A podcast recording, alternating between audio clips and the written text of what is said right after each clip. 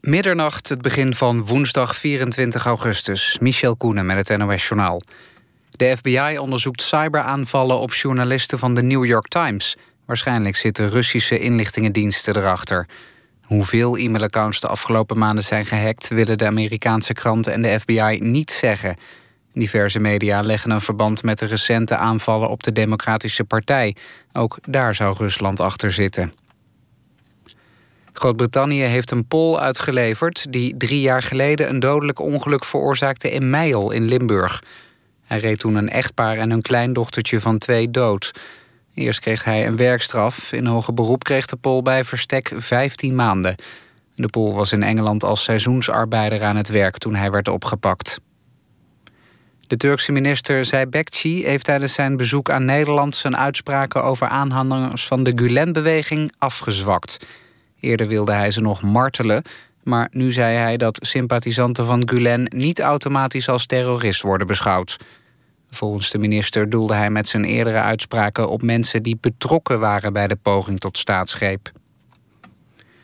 Een peuter uit Nieuw-Buinen in Drenthe is zwaar gewond geraakt toen hij werd aangevallen door vier rotweilers. Gebeurde toen hij aan het spelen was in de tuin van de buren. De honden sprongen over de schutting van hun verblijf en stortten zich op het jongetje van drie. Hij ligt met ernstige verwondingen in het ziekenhuis. De Rotweilers krijgen een spuitje. En de KLM vliegt vanaf oktober weer vier keer per week rechtstreeks vanaf Schiphol naar de Iraanse hoofdstad Teheran. De lijndienst wordt hervat omdat de vraag is toegenomen sinds de economische sancties in januari grotendeels zijn opgeheven. En daarnaast trekt het toerisme in Iran aan. Het weer nog. Het is helder vannacht bij zo'n 16 graden. Overdag vrij zonnig en 29 tot 32 graden. En donderdag wordt het nog warmer, dan kan het lokaal 35 graden worden. Dit was het NOS Journaal. NPO Radio 1. VPRO. Nooit meer slapen.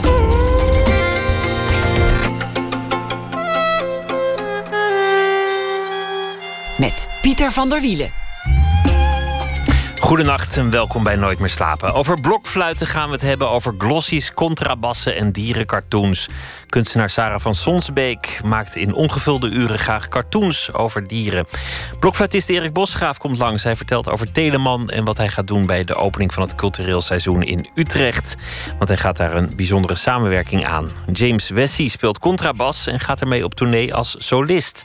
En dat is zeldzaam. Daarover hoort u ook alles over na één uur. We beginnen met Hilda van der Bel, want deze week gaat het over de journalistiek. Elke nacht een journalist over de vloer. En Yildau is hoofdredactrice van de Linda. Het is geen geheim. Na twaalf hebben we geen geheimen. Sinterklaas bestaat niet. En Linda de Mol is heus niet de enige samensteller van de Linda. Alleen ze wel meer aan het blad dan naam en beeltenis. Alleen, waarover later meer. De Linda. In de toch moeilijke bladenmarkt al jaren een succesnummer. Groeiende oplages. Satelliettitels als Le Homo. Linda Mode, Linda Man, Linda Tiener. Een app, experimenten met televisie en zelfs een eigen nieuwssite. Het woord imperium is al genoemd. Hilda van der Bel kreeg daar veel lof voor. Zelf geboren in 1971, opgegroeid in Tiel... werd al jong hoofdredacteur van de Nieuwe Revue. Toen was ze 27 jaar oud. En de Nieuwe Revue lijkt wel een beetje het andere uiterste van de Linda. Van testosteron en motorfiets naar uh, geurkaars en, en andere dingen. Maar oh, misschien... Ik mag zoiets zeggen daarover, of niet? Nou, meteen wel, oh. gang. uh, nou, ik vind eigenlijk dat het nieuwe revue in de tijd dat ik het maakte... en uh, Linda nu eigenlijk heel veel op elkaar lijken. Was het niet een, een, een testosteronrijke omgeving? Heel erg, maar bij Linda zit ook heel veel testosteron. In de vrouwen? Ja, in de vrouwen. Ja, ja, we hadden trouwens deden heel weinig aan motorfietsen bij uh, Nieuw Revue in die tijd. Dat was misschien meer uh, het uh, broertje panorama. maar um, waar Nieuwe Revue ook heel erg over beeld ging, gaat Linda er ook heel erg over. En het is toch ook het opzoeken van grenzen op een bepaalde acceptabele manier. en verhalen brengen die mensen misschien op die manier nog nooit hebben gelezen of gezien. Dus er zitten meer overeenkomsten, denk ik, tussen de oude Nieuwe Revue en de Lina van nu dan je denkt. Je was daar al heel jong met de scepter komen te zwaaien. Hoe is eigenlijk de journalistiek in, jou, in jouw leven gekomen? Want je groeide op in Tiel, bekend van, uh, van het fruit. En van Flipje. Van, van Flipje natuurlijk. En Jomanda later. En, en later Jomanda. Een omgeving waar je eh, volgens mij helemaal niks meer mee hebt. Nee. Nou, ik ben toevallig laatst op de foto gegaan voor een ehm Tielse fotograaf die een project doet met 100 Tielenaren, zoals mensen uit Tiel heten. Of mensen die iets voor Tiel hebben betekend, of daar zijn geboren. Of, eh, En toen vond ik het eigenlijk wel weer grappig. Want ik vroeg ook, heb je Jomanda ook nog te pakken weten te krijgen? Want die woont nu, geloof ik, in Canada. Maar een, een aantal mensen, ik wist helemaal niet dat Gijs Scholten van Aschat uit Tiel kwam bijvoorbeeld. Vetja van Nuet wist ik wel. Dus we zijn best ook in een leuk gezelschap. Maar ik, eigenlijk heb ik niet zoveel meer met Tiel. Ik vond het, eh, ik wilde daar eigenlijk heel snel weg. Toen je, toen je er woonde al, Ja. dacht je later... als ik maar wegkom uit Tiel en dan Ja. zien we daarna wel verder. Ja, klopt. En hoe kwam de journalistiek in, in je gedachten? Werd er thuis veel eh, gelezen? Hadden jullie een krant? Ehm, we hadden de regionale krant. En ehm er werd wel wat gelezen. We hadden, net, denk als ieder ander gezin... de Winkler Prins in de kast staan. En mijn moeder was wel een lezer... maar vooral van Gonzalik-achtige romans. Dat herinner ik me nog. Ik vond die kaften altijd heel spannend. En ik was ontzettend nieuwsgierig. Klein meisje. Dus ik zat of in de bibliotheek in Tiel... of met mijn neus in de encyclopedie. En ik was heel erg bezig met taal en informatie. En op de middelbare school dacht ik... eh, nou ja, dat wordt dan of journalistiek of Nederlands studeren... of weet je, die kant op. En bij journalistiek dacht ik... oh, dat lijkt me spannend, dan weet je altijd alles als eerste... En het is een legale manier om in andere werelden of andere levens te kijken en alles te vragen wat je wil weten. Om, om heel eventjes je te begeven in andere kringen... zonder dat je meteen lid hoeft te worden... en er daarna gewoon weer lekker weg te gaan. Ja, als om een, een legale voyeur te kunnen zijn en even deel uit te maken van, eh, van werelden of levens waar je nieuwsgierig naar bent. En tegelijkertijd de afstand te kunnen bewaren.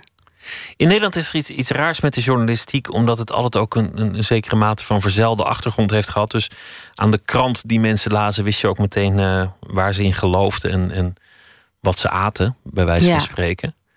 Ja. Als, je, als je tot een zeil zou moeten beperken, wat, wat was het thuis voor omgeving?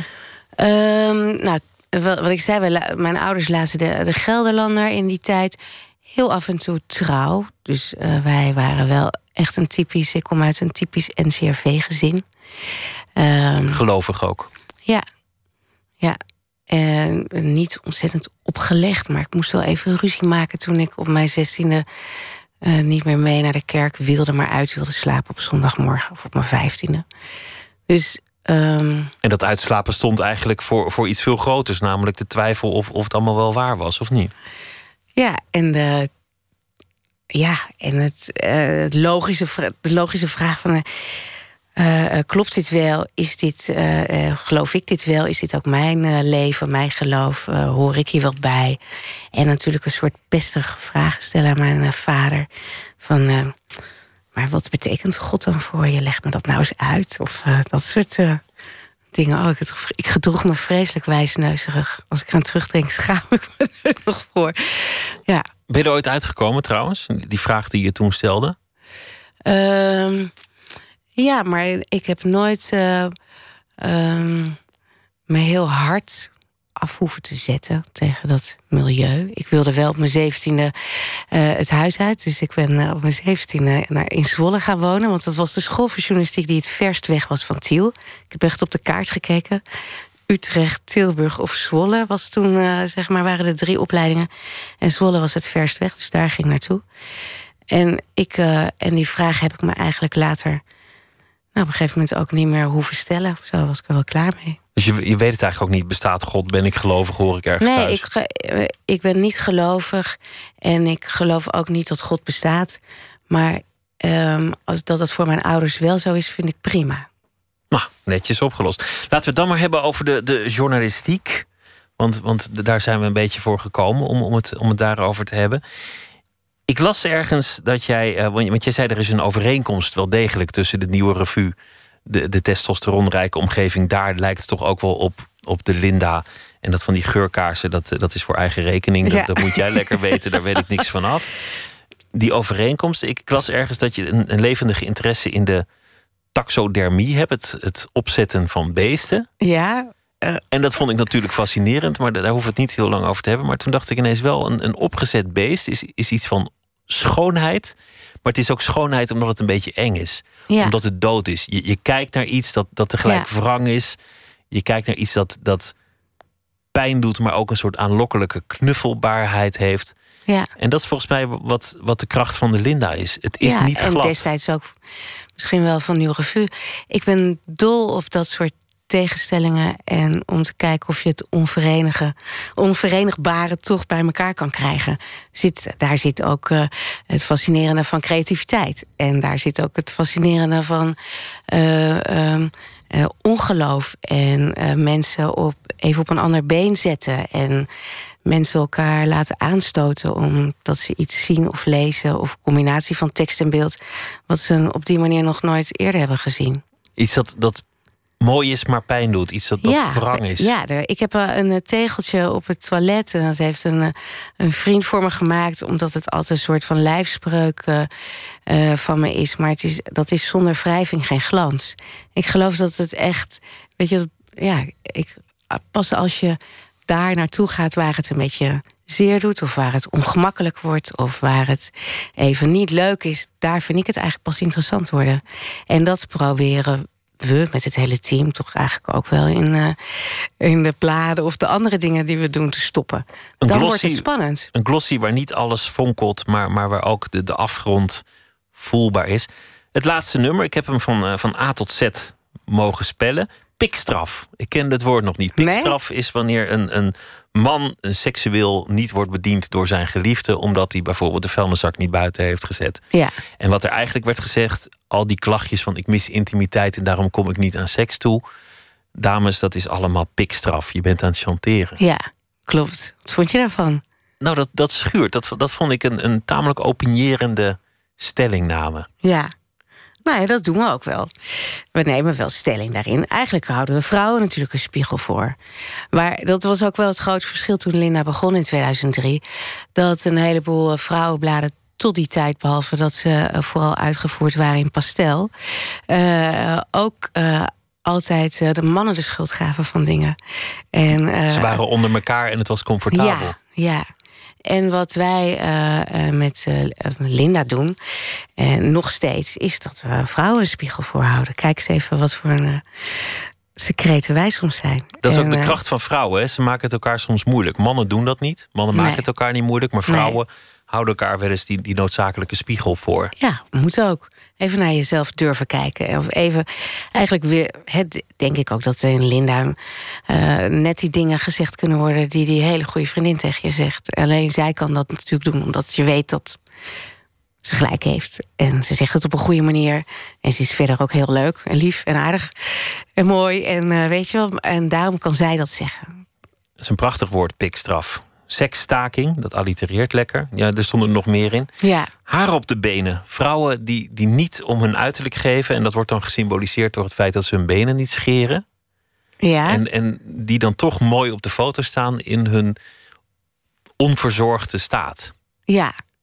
Dat vond je ook ook niet. Dat vond je ergens ook schuren. Nou, dat deed me aan taxodermie denken eigenlijk. Het, is, Ah. het is mooi en tegelijk ook niet mooi. Dat Ja. je denkt, nou, doe eens wat meer je best. Maar aan de andere kant ook wel leuk dat mensen dat oppervlakkig vonden... of er gewoon geen zin in hadden of dachten, nou, het is toch goed zo. Nou, eigenlijk, de, dat vind ik het leukste van het maken van, die, van dit blad bijvoorbeeld... is dat als we, we werken met thema's... en als we dan beginnen te brainstormen over een thema... dan zoeken we eigenlijk altijd alle, onderzoeken we altijd alle kanten van die medaille. En dan zitten we, weet je, dus als het, dit is een nummer over... eigenlijk in september komen alle modebladen uit. Extra dikke nummers, nieuwe modeseizoenen... Dus wij dachten, oh ja, die mode waarvan je weet dat je, je kan het niet aan... want je bent niet zo eh, eh, dun of zo jong of zo eh, hip. Of weet je, dat gevoel van wat moeten we ermee? Dan moeten we toch, nou ja, zoals op de cover staat... God betert weer een broekrok aan. Daar wilden we eigenlijk een nummer over maken. En dat gaat natuurlijk over wat betekenen die kleren dan voor je of niet. Of waarom moet je daaraan meedoen? Of wat doet het met je? Maar ook, wilden we, eigenlijk wilden we om de andere kant te laten zien... ook vrouwen aan het woord laten die dan zeggen... maar Jongens, het gaat toch helemaal niet. Voor mij gaat het niet om die buitenkant. Ik geef niks om mode of überhaupt om kleren of om make-up of om ja, dat kan heel verhelderend zijn om die dingen dan naast elkaar te plaatsen. En die tegenstelling eigenlijk gewoon direct op elkaar aan te laten sluiten. Hoe dan begint dat? het spanning. Is het een, een redactievergadering? Is het, is het eh, Linda en jij die aan de telefoon hangen? Is, is er een andere aanleiding waardoor iets geboren wordt? Worden ideeën aangedragen? Nou, het Hoe komt begint het tot stand? Eén keer per jaar gaan we naar het buitenland met, met de staf. Dus daar zit onze art director bij, chef beeld, eh, eh, eh, chef tekst, eh, Linda. En dan eh, eh, maken we eigenlijk eh, voor een heel jaar alle thema's. Dus dat hebben we nu al gedaan voor 2017. En dan zijn dat thema's die spelen, of dingen die al langer op een lijst staan, of dingen waar we gewoon zin in hebben. Ik veel, we willen nu een nummer maken. Ik tinder me helemaal gek. Ik wil weten hoe het is om als 50-jarige te tinderen. Of als 20-jarige. Of weet je, we willen die verhalen willen we lezen. Dus zo komen uh, thema's tot stand. En dan gaan we uh, eigenlijk iedere maand brainstormen met een heel breed gezelschap. Van vormgevers tot um, secretaresses. En van chefs tot nou ja, wie er maar bij aanschuift. En eigenlijk zeggen we bij die brainstormen zijn twee regels. We moeten heel hard lachen en we moeten heel veel eten. En uh, dan komen de verhalen. En dan weet je natuurlijk eigenlijk al heel goed uh, waar verhalen zitten. Waar vrouwen eerlijk worden tegen elkaar. Waar het echt over gaat. Maar het moet schuren. Dat betekent dat je ook langs de afgrond scheert. Ja. Dus er zijn een, een, aantal incidenten geweest met, met andere damesbladen. Het is altijd leuk om even naar de concurrenten te kijken. Die over die rand zijn gekukeld. Waar het, waar maar het misging. noem eens, noem eens. Nou ja, er, er was, het, was het stukje op de website van, van de FIFA. Die hadden gezegd uh, tien redenen waarom je met een, een, zwarte man moet gaan. Ja. Nou, dat, dat viel helemaal verkeerd. Dat was een vergissing. Daar was, was er volgens Ja. mij niet goed over nagedacht. Als je, als je zegt het moet schuren, Ja. dan, dan, dan roep je daarin een soort radicalisme op. Dat betekent dat, dat je eigenlijk ook uitglijders kunt Tuurlijk. meemaken. Tuurlijk. Hoe weet je dat het goed is? Hoe weet je, dit is leuk, dit gaat niet te ver, dit is niet smakeloos, dit is gewoon een goed Linda-onderwerp en het is ook geen gezever. Nou, eigenlijk gaat dat nooit over het onderwerp. Een onderwerp kan altijd. Dan gaat het om hoe je het dan aanpakt. Of wie je aan het woord laat. En uitgeleiders horen daarbij. En als je, met, uh, als je, me, als je langs de afgrond loopt, weet je wel, ja, dan, dan je op. Dan kun je best een keertje een klein uitgeleidertje maken. Dat, ah, dat hoort er misschien ook wel bij. Als je alleen maar aan de zeven kant blijft, dan wordt het niet meer leuk. En dan wordt het niet meer spannend. En dan ben je, wordt het schouder ophalen. Nou, als we iets niet willen, is dat mensen hun schouders ophalen. Of lezers hun schouders ophalen. Het over- moet iets losmaken, het moet, je moet elkaar Nee, je wil erger. Ja, nou ja, het gaat natuurlijk nu allemaal over shareable content in onze wereld. Alles moet deelbaar zijn. Dan denk ik, god, dat doen we al twaalf jaar bij de Linda. Willen dat, eh, ik eh, tel altijd de aanstootmomenten als het nummer langs de plank, eh, als de plank aan de muur hangt. Weet je, wel, dan denk ik, oh ja, bij deze kop, bij deze foto, bij deze uitspraak. En hier en dit. Hier, dat zijn precies de onderwerpen waar mensen elkaar gaan aanstoten. Vrouw leest dat en die stoot haar man. Oh, die moet je even dit kijken. Vriendinnen stoten elkaar aan. Weet je, je wil meteen iets wat je leest of ziet, wil je even delen. Omdat je erover verbaast, opwint. Omdat het je emotioneert. Omdat je zoiets nooit gezien hebt. Dus eigenlijk ben je met het componeren eigenlijk van een blad... ben je zo ook aan het kijken. Maar ook dus in een brainstorm schrijven we eigenlijk best snel op... oh ja, dit, maar dan alleen als dat.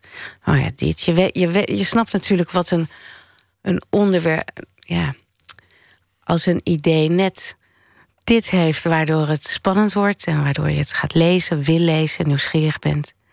Of wanneer het alleen maar een onderwerp is. En vervolgens is de uitvoering belangrijk. Een verhaal Ja. over een mislukte date lijkt me geen onderwerp. Maar als die zo mislukt is als de dates bij jullie in het blad nog wel eens we- wensen te mislukken. Gruwelverhalen, dan, dan, dan is het ineens wel een, een Nou, onderwerp. ja, we hebben een hele succesvolle rubriek. Die is ook door een geweldige journalist geschreven, Corine Kolen. En die schrijft al jarenlang De Verlaten Vrouw. En dat is dus een heel simpel idee. Door Linda de Mol zelf bedacht trouwens. Toen zij verlaten werd door haar man. En dat ging over dat eigenlijk iedere maand interviewen we gewoon een vrouw die verlaten is door haar man. Maar dat doet Corine Kolen zo goed.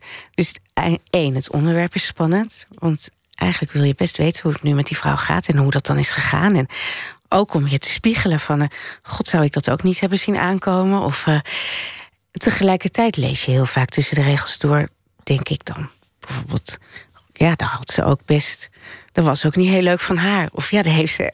Weet je, dus je ziet eigenlijk ook al dat er twee partijen misschien wel een beetje schuld aan hebben. Ja, en elke maand weer is dat gewoon een ijzersterke rubriek. Dus het gaat ook absoluut om de uitvoering. Wie is Linda? Want gisteren was hier Hans Nijenhuis, hoofdredacteur van het Algemeen Dagblad. Die zei: Het Algemeen Dagblad is voor de gewone Nederlander. Dat wil niet zeggen de saaie Nederlander. Ja. Heb je zo'n beeld van, van de, de lezers, lezeressen wil ik al zeggen, maar, maar dat laat ik open, van de Linda? Um, nou, eigenlijk zou je dan, dan moet je generaliseren, wat ik uh, ook altijd wel weer ingewikkeld vind. Maar wij zeggen zelf: Linda is voor de leukste vrouw van Nederland. En uh, dan kunnen mensen zelf bedenken of ze daarbij horen of niet. Maar dat zijn in ieder geval vrouwen die, vrouwen, in ieder geval vrouwen die om zichzelf durven te lachen. Uh, die geïnteresseerd zijn in de wereld om hen heen. Ehm, die zin hebben in ontspanning. Maar daarmee zeg je eigenlijk dat jullie een ideale lezer, die natuurlijk niet bestaat, hebben bedacht. Maar dat het niet een onderwerp is van permanent marktonderzoek en grafiekjes van. Nee, dat doen we helemaal niet. De Linda-lezer wil dit deze maand. Nee, we doen het wel eens, maar eigenlijk, nee, nee, dat doen we sowieso niet. We zijn nou, we, ik denk dat we zelf ook lezers zijn. Of ik denk, dat weet ik wel zeker. Maar als dat niet meer zo zou zijn, kun je natuurlijk nog best zo'n een blad maken. Maar het wordt er nu nog leuker op, omdat, je ook je eigen referentiekader hebt. Dus wij met, met onze staf en met iedereen die bij ons werkt. Ik denk altijd, ja, als het niet leuk genoeg is voor mij, waarom zou het dan leuk genoeg zijn voor de lezer? Zou het ook werken als, als, als Linda niet haar beeldenis, naam en, en uh, reputatie aan een blad zou lenen? Als het, als ja, het blad, dat weet ik niet. Wat gewoon ik denk, zij, zij zou heten. absoluut een enorme belangrijke factor, omdat zij toch ook wel een soort identificatie is voor heel veel vrouwen.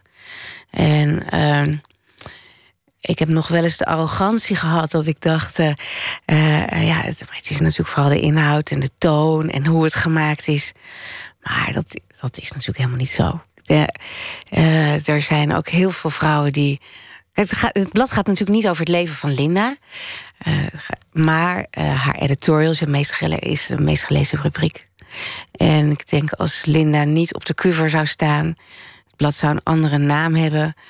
Het zou nog steeds zo goed gemaakt zijn dat, dat, het, dat het wel ook een succesvol blad zou zijn. Maar of het zo succesvol was, dat denk ik niet. Goed, laten we gaan luisteren naar Sharon Jones en de Dap Kings. Want er is een documentaire gemaakt over de New Yorkse soulzangeres Sharon Jones. En dat is interessant, want ze heeft een uh, mooi leven. Ze maakt prachtige muziek en ze heeft ook nog een strijd tegen kanker achter de rug. En er zit ook een nieuw nummer bij de soundtrack, I'm Still Here.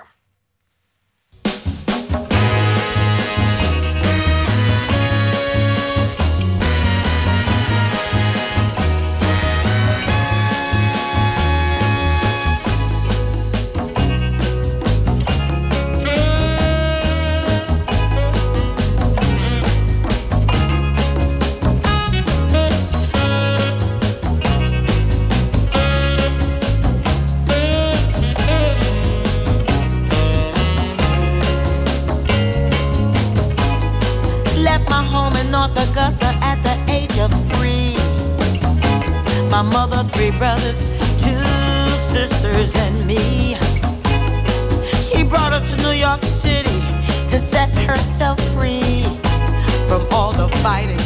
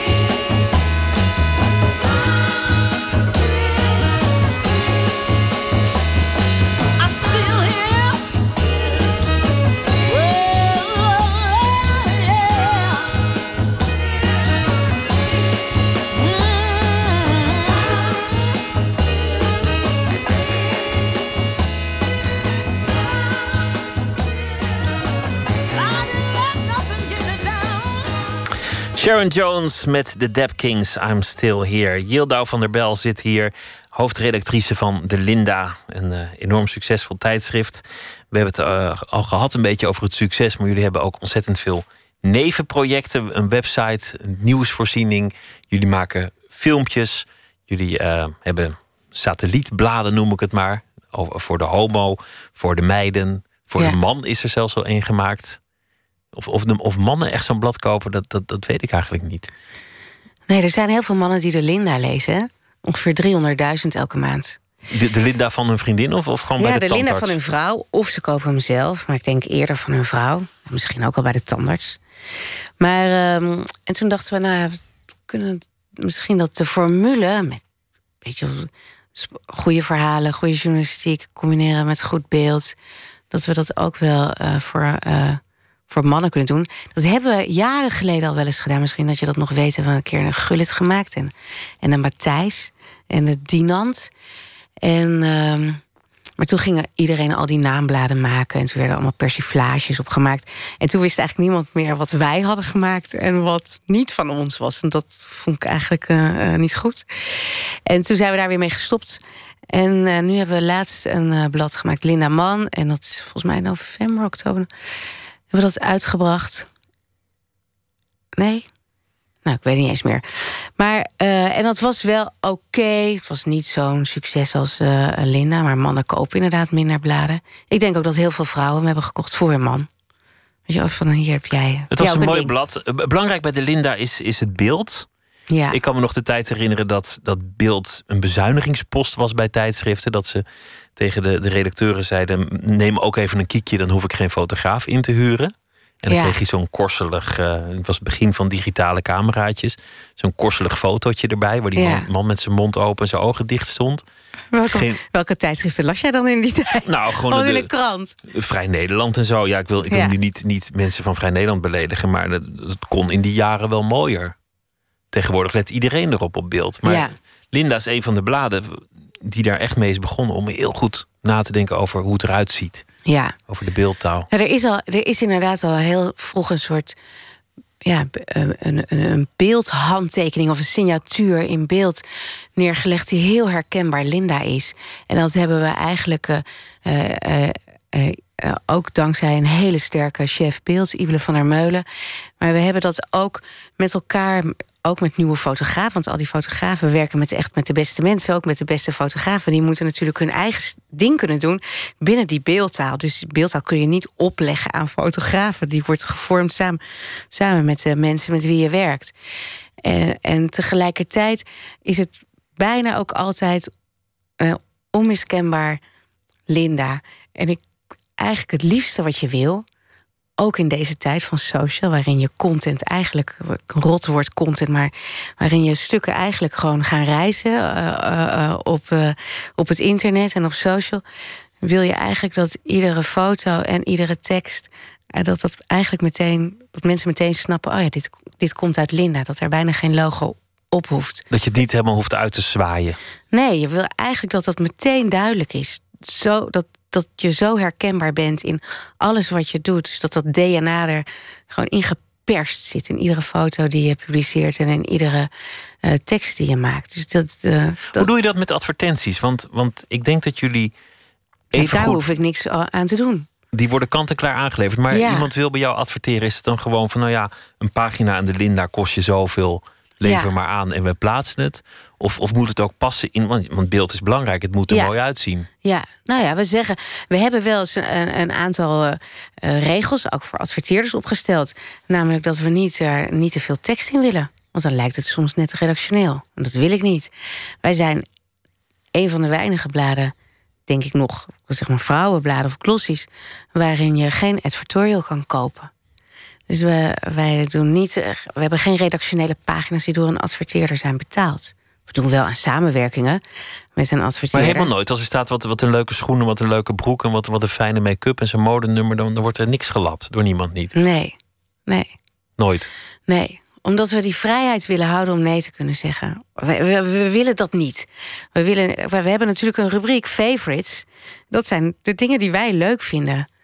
Ja, als je daar ergens, eh, eh, eh, ik, ik wijs nu iets aan, hier staat een schoen in. Stel je voor dat deze schoen betaald zou zijn. Dan, dan word je op een gegeven moment volstrekt ongeloofwaardig. En kleding Ik die geloof iemand aan heeft bij een interview, een mooie fotosessie en, en het broekje. Nee, ook niet. Dat kiezen we zelf. Kiezen onze stylistes. Of dat kiezen.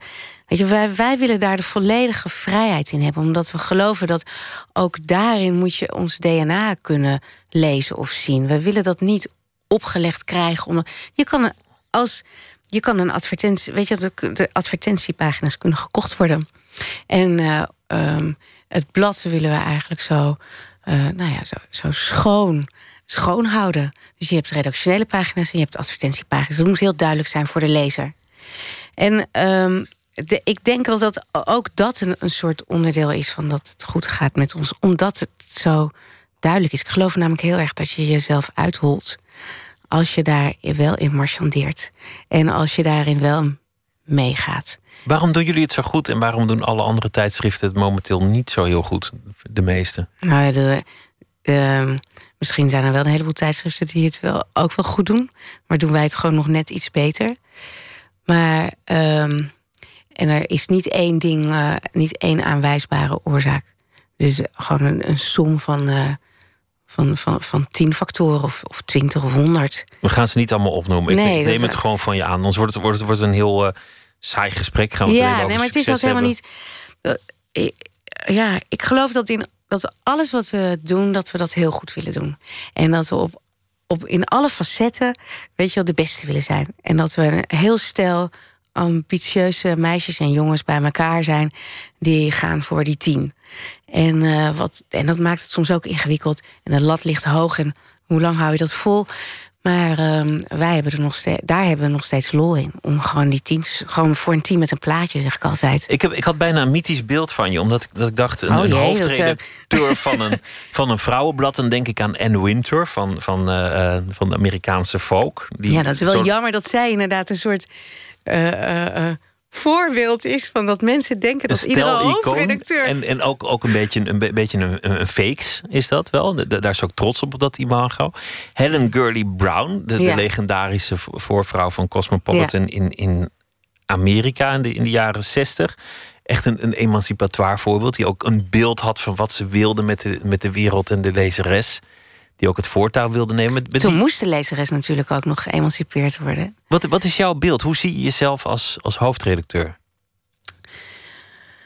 Wie zou jij Oh. willen zijn? Als je, als je oh, zou ik moeten kiezen tussen die. zijn. Je moet kiezen tussen die uitersten. Ben je een stel-icoon? Loop jij de feesten af? Nee. Ben je, ben je streng? Ben, Ja. ben, je, ben je een vechter? Eh, ja, ik ben, ik ben niet. eh, ehm, eh, ik vind fe- feesten en partijen eh, best heel vermoeiend. En daarnaast ben ik ook eh, gesteld op rust en gezinsleven. heel saai. Maar ik, ik heb dat nodig om, om goed na te kunnen denken. Ehm, en ik weet wel wat ik wil met het blad. En daar ben ik ook streng in. En ik ben heel ongeduldig op het vervelende af. Dus ehm, ehm, Maar emancipatie, een van, een van de, de uitspraken die je wel eens hebt gedaan... is eh, glazen plafond, houd toch op met dat gezeik. Vrouwen willen gewoon niet werken op woensdag. ja, daar sta ik eigenlijk nog steeds achter. Nou ja, dat, dat, dat, ehm, kijk, het liefst. Ik denk dat er wel een, een, iets weggelegd is voor Linda. We hebben, eigenlijk, we hebben natuurlijk zoveel macht omdat we zoveel vrouwen bereiken. Dus je moet jezelf, vind ik, heel erg bewust zijn van die macht. En er zijn een aantal dingen die, waarvan ik denk, ja, ik vind dat iedere vrouw eigenlijk economisch onafhankelijk moet zijn. Eh, dat zijn nog wel dingen waar we ons af en toe hard voor maken. Hoe Eh, dan? Hoe, hoe, hoe maak je je door daar daar verhalen over te schrijven. Of eh, door, ehm, ehm, eh, door dingen te laten zien. Hè. Dus we hoeven natuurlijk ook niet alles. we hoeven, we hoeven- Linda is niet het blad met de opgeheven vinger. Niet een Van- blad met een agenda. Eh, niet met een agenda en niet met een opgeheven vinger. En wij gaan vrouwen niet vertellen hoe ze hun leven moeten leiden. We kunnen ze wel dingen laten zien. Maar je vindt het toch interessant dat je, dat je die invloed hebt? Dat je Ja. die lezers hebt, je hebt ook Ja. je, je eigen opvattingen. Ja, De FIFA gaf in de jaren negentig een vibrator aan, aan nieuwe abonnees. En toen dachten jullie, vibrator, zo'n plastic ding met batterijen... waarom niet gewoon een hele gigolo? ja. Maar dat was iets later, want in de jaren negentig bestond Linda nog niet. Nee, nee, maar goed, eh, twintig maar- jaar later. Maar dan, Maar eh, ja, wij gaven, nou ja, wij eh, eh, eh, dachten inderdaad, we vonden het natuurlijk ook gewoon heel plat wel een stuntje. En er was een, eh, een bureau. Er was natuurlijk tot die tijd altijd mislukt in Nederland. Hè. We, eh, eh, eh, vrouwen willen, durven geen gigolo in te huren of gaan niet zoals mannen Of naar de niet, hoeren. want er waren, of geloof het niet. 18, 18 aanmeldingen, toch? Nee, wel wat meer. Nee, er waren honderden aanmeldingen voor de gigolo... maar er waren duizenden aanmeldingen voor de tas. Dus je kon kiezen tussen een... eh, ik neem een abonnement op Linda. Wil ik eh, in aanmerking komen, hè, kans maken op een uur... Met, of twee uur geloof ik, want gigolo is maar... kun je pas vanaf twee uur boeken. Hè? Dat wist ik ook niet. Dat kan helemaal niet voor een uurtje. Vrouwen hebben wat langer de tijd nodig. Dus dat kan, eh, is maar vanaf twee uur. Dus je kan kiezen tussen een gigolo... twee uur met een gigolo of een tas. Wat- wat raar trouwens, waren vrouwen- veel meer vrouwen die een tas wilden. Vrou- Vrouwen hebben meer tijd nodig, dus een gigolo kan je voor twee uur boeken. Je zou toch zeggen, dat de, de, de klant bepaalt zelf al hoeveel Ja. tijd ze nodig Ja, dat heeft. kon niet. Dat kon niet. Ah, maar ja, dat was ook heel gek. Kunnen we nog een brief over schrijven. Dat bureau bestaat ook eh, helemaal niet meer. Hè. Dat is gewoon helemaal niet eh, Maar daar- gelukt in Nederland. Daar zit, daar zit een aantal elementen in. Ten eerste van dat taboe moet er maar eens vanaf. Ja, en, eh, En de andere is- waarom is- zou dat niet kunnen? Een stuntje. Ja, eigenlijk wel. Maar veel taboes zijn eigenlijk al verdwenen. Ja, Toch willen jullie iets dat schuurt. Jullie hebben niet echt een beeld van de lezeres, behalve dat het, dat een soort ideaal is dat jullie zelf bedacht hebben. Hoe zie je jezelf dan als, als hoofdredacteur? Wat, wat is jouw verlangen? Wat zijn de momenten dat je denkt, ja, nu ben ik tevreden, nu heb ik er zelf iets in gelegd? nou dat is, als het goed is, iedere maand. Als we het blad maken of wat we ook maken. Eigenlijk zit dat er nog steeds in. Eh, klopt het met eh, wie we zijn? Eh, kunnen we binnen, hè, met wie we zijn, eh, eh, wat we verzinnen, steeds die lezer weer weten te verrassen en te verwennen. Eigenlijk zijn dat de dingen die we willen doen. Maar, maar en ze binnen die verrassing en, die, en dat verwennen willen we ze ook misschien wel uit hun comfortzone halen. En ze af en toe even laten nadenken over hun eigen leven en wie ze zijn. Maar ehm, nee, politiek wordt het nooit. En ingewikkelder dan dat wordt het ook niet. En ehm, ja, ik weet niet, is dat erg? Nou ja, ik zou, vind het niet. zou de emancipatie niet voltooid zijn als, als die economisch zelfstandige vrouw dan ook, ook. Nou ja, nee, dat is eigenlijk ook helemaal niet waar. Het hoeft niet Nee, over politiek hoeft te gaan. Het gaat al zo vaak over politiek. Nee, dat, dat, dat vind ik niet. Ben ik met mezelf oneens. Oh, wat fijn dat je het af en toe met jezelf oneens kan zijn. Ik ben het ook heel vaak met mezelf oneens. Maar ehm, eh, nee, wij, ik denk dat we. Het is een hele, misschien wel een lichte taak in het leven die wij eh, onszelf tot doel hebben gesteld.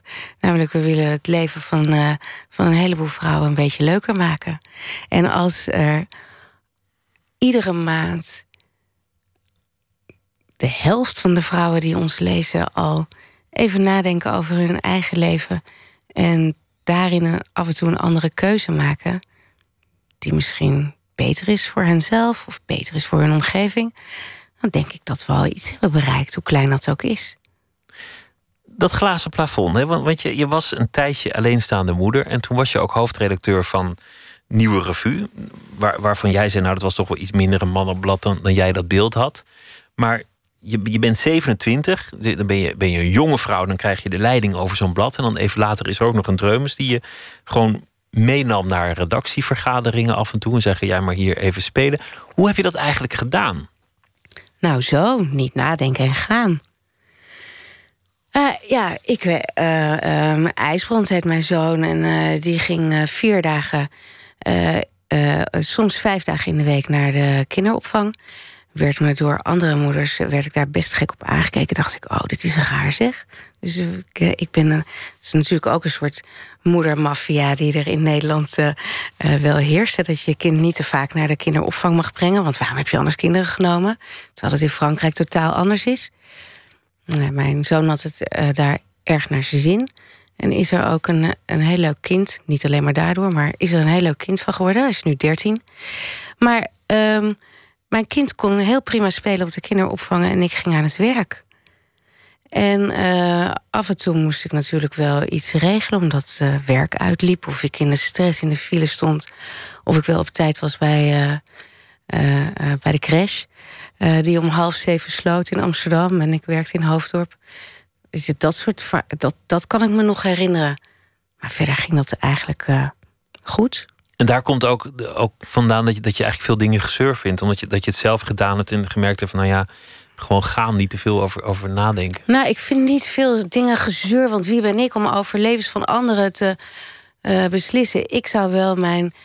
Uh, uh, ik zou het heel vervelend vinden als, om afhankelijk te zijn zelf van, een, van iemand anders of van een man. Um, dus, de, dus die economische zelfstandigheid vind ik eigenlijk wel een voorwaarde voor, en, voor om je leven goed te leiden. En uh, mijn, uh, ik vind het belangrijk dat ik werk, want daarin ontwikkel ik me. En ik geloof dat ik een leuker mens ben, ook voor mijn kinderen, als ik mezelf ontwikkel. En zo zou je het ook graag voor anderen zien? ja, maar ja, als zij daar anders over denken, dan mag dat ook voor mij. We gaan luisteren naar uh, Riley Walker, een uh, artiest van nu, al klinkt hij van vroeger. En het nummer heet The Great and Undecided.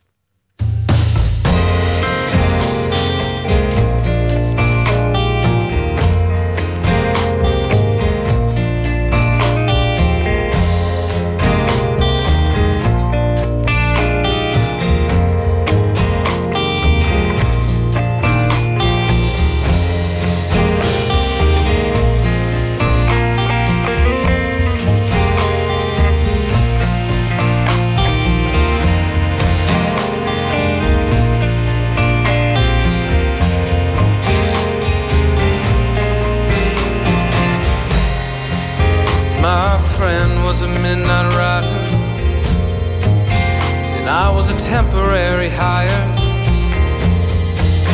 With no mandolin to hold to my chest. I guess it worked out for the best.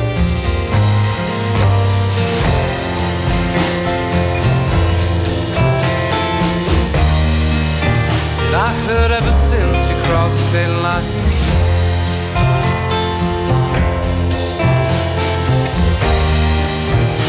found your dream job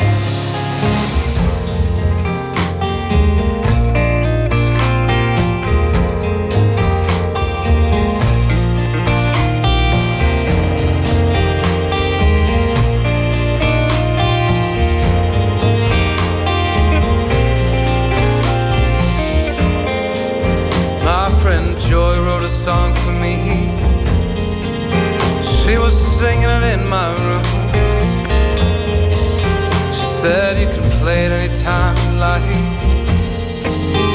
If you tell the neighbors it's my tune.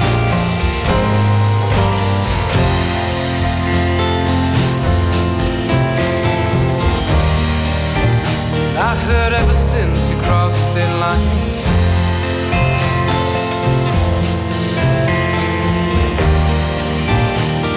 man was sending you money.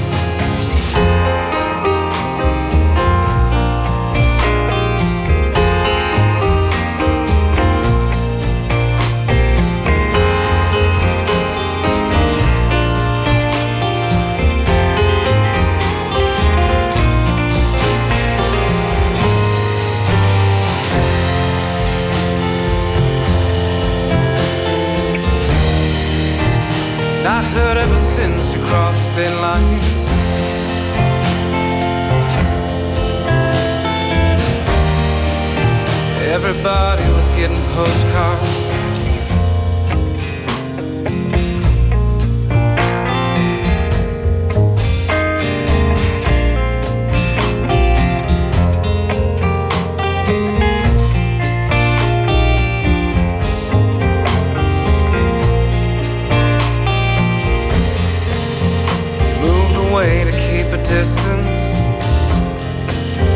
That's kinda nice, cause I like it here.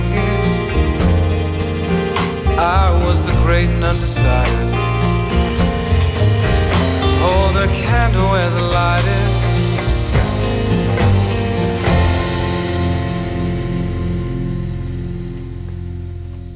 Riley Walker, 28 jaar oud. En dit nummer heette The Great and Undecided. Nooit meer slapen.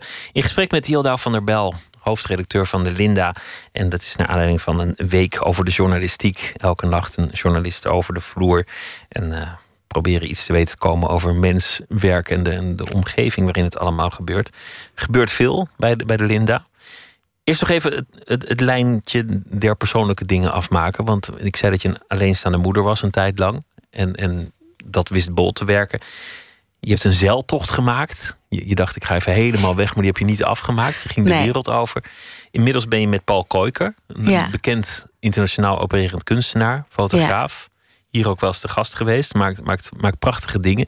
Die combinatie moest ik even over, over nadenken. Nou, de mensen die je niet bij elkaar vermoedt, die dan toch iets met elkaar blijken te hebben. Hoe, hoe ziet je leven er eigenlijk uit? Wat een grote vraag. Hoe ziet mijn leven eruit? Uh, met hem bedoel je? Of, ja, want, want, hij is veel op reis en veel aan het werk in zijn atelier. En wat, wat, wat... Nou, ik ben veel aan het werk op de redactie en hij is veel aan het werk in zijn atelier. Dus wij gaan, s morgens ontbijten wij met elkaar, met de kinderen. En dan gaan we alle twee naar ons werk. En dan komen we uh, s'avonds weer thuis. Maar wel gewoon net de kantoortijden. Het is, het is niet een hele drukke baan. Ja, uh, nee, soms moet ik s'avonds nog weg en soms moet Paul s'avonds nog weg. Eigenlijk hebben wij een hele, uh, ja, normale, normale uh, kantoortijden inderdaad misschien wel. En we zijn, nou ja, we zijn s'avonds ook nog wel aan het werken. We zitten alle twee nog heel vaak met onze laptop op schoot. ook dingen aan elkaar te vertellen en te laten zien. En, en we kunnen elkaar ook wel, denk ik inspireren. Ik denk dat we veel meer met elkaar gemeen hebben dan je misschien op het eerste gezicht verwacht. In uh, hoe we tegen uh, de wereld aankijken, of wat we interessant vinden, of, of wat ons fascineert. Uh, en dat voyeurisme, wat, weet je, wat misschien ook wel voor mij ooit een drijfveer was om, om de journalistiek in te gaan, of in ieder geval iets te doen met communicatie en journalistiek. Dat, uh, ja, dat is ook een fascinatie van Paul. Uh, dus, en dat gebruikt hij ook weer in zijn werk, alleen op een totaal andere manier. En waarin ik altijd bezig ben met uh, wat, vinden, wat vindt de lezer hiervan. En uh, ik maak iets en dat breng ik naar de mensen toe. En ik, weet je, ik, ik, ik, ik, voel van wat gebeurt er om mij heen. Kan ik een vertaalslag maken naar, uh, in, via het merk Linda weer opnieuw naar mensen toe. Daar uh, uh, maakt, maakt Paul iets en dat komt helemaal uit hemzelf. En hij moet daarna maar zien, en dat interesseert hem eigenlijk ook niet. terwijl hij het maakt, wat de mensen daarvan vinden. Maar dat, dat dus er zijn een soort tegengestelde bewegingen, maar die zijn. Zo anders is het ook wel niet. Want, want, want ik was verbaasde dat, dat eigenlijk jullie drijfveren voor wat goed is en wat Linda moet zijn en wie de Linda-lezer is, dat, dat het heel erg op gevoel gebeurt. Weinig marktonderzoek, helemaal niet uh, proefpanels, dat het allemaal veel minder commercieel en georganiseerd blijkt dan, dan ik had vermoed. Dat jullie toch je op jezelf en elkaar richten. Nou, dat heeft denk ik te maken met een soort lef, liefde en vertrouwen. Dus dat, dat is intuïtie.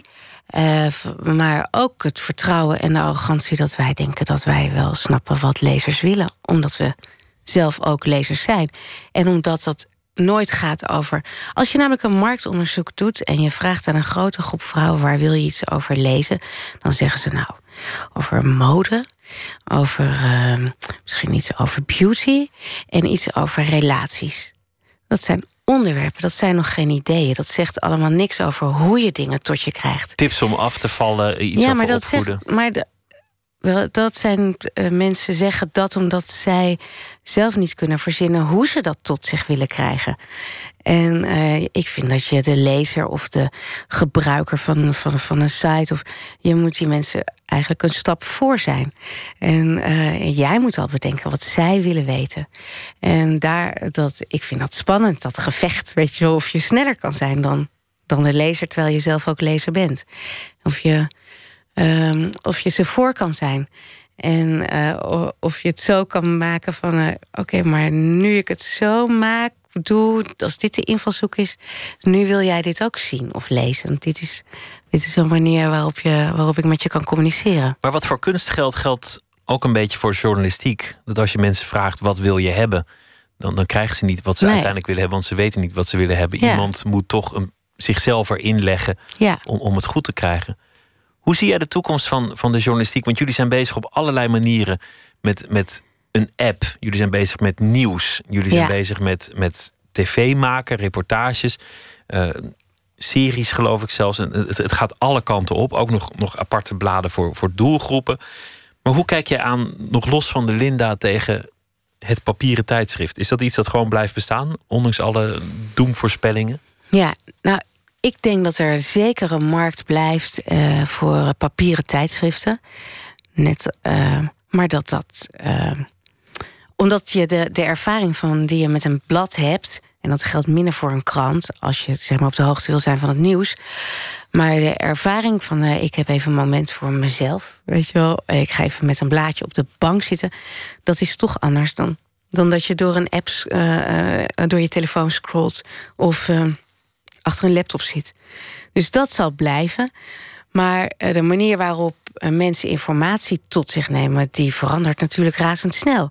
En ik vind het veel te spannend om daarin mee te veranderen en dingen te experimenteren. En ik vind dit, eh, dit is toch de leukste tijd die er is.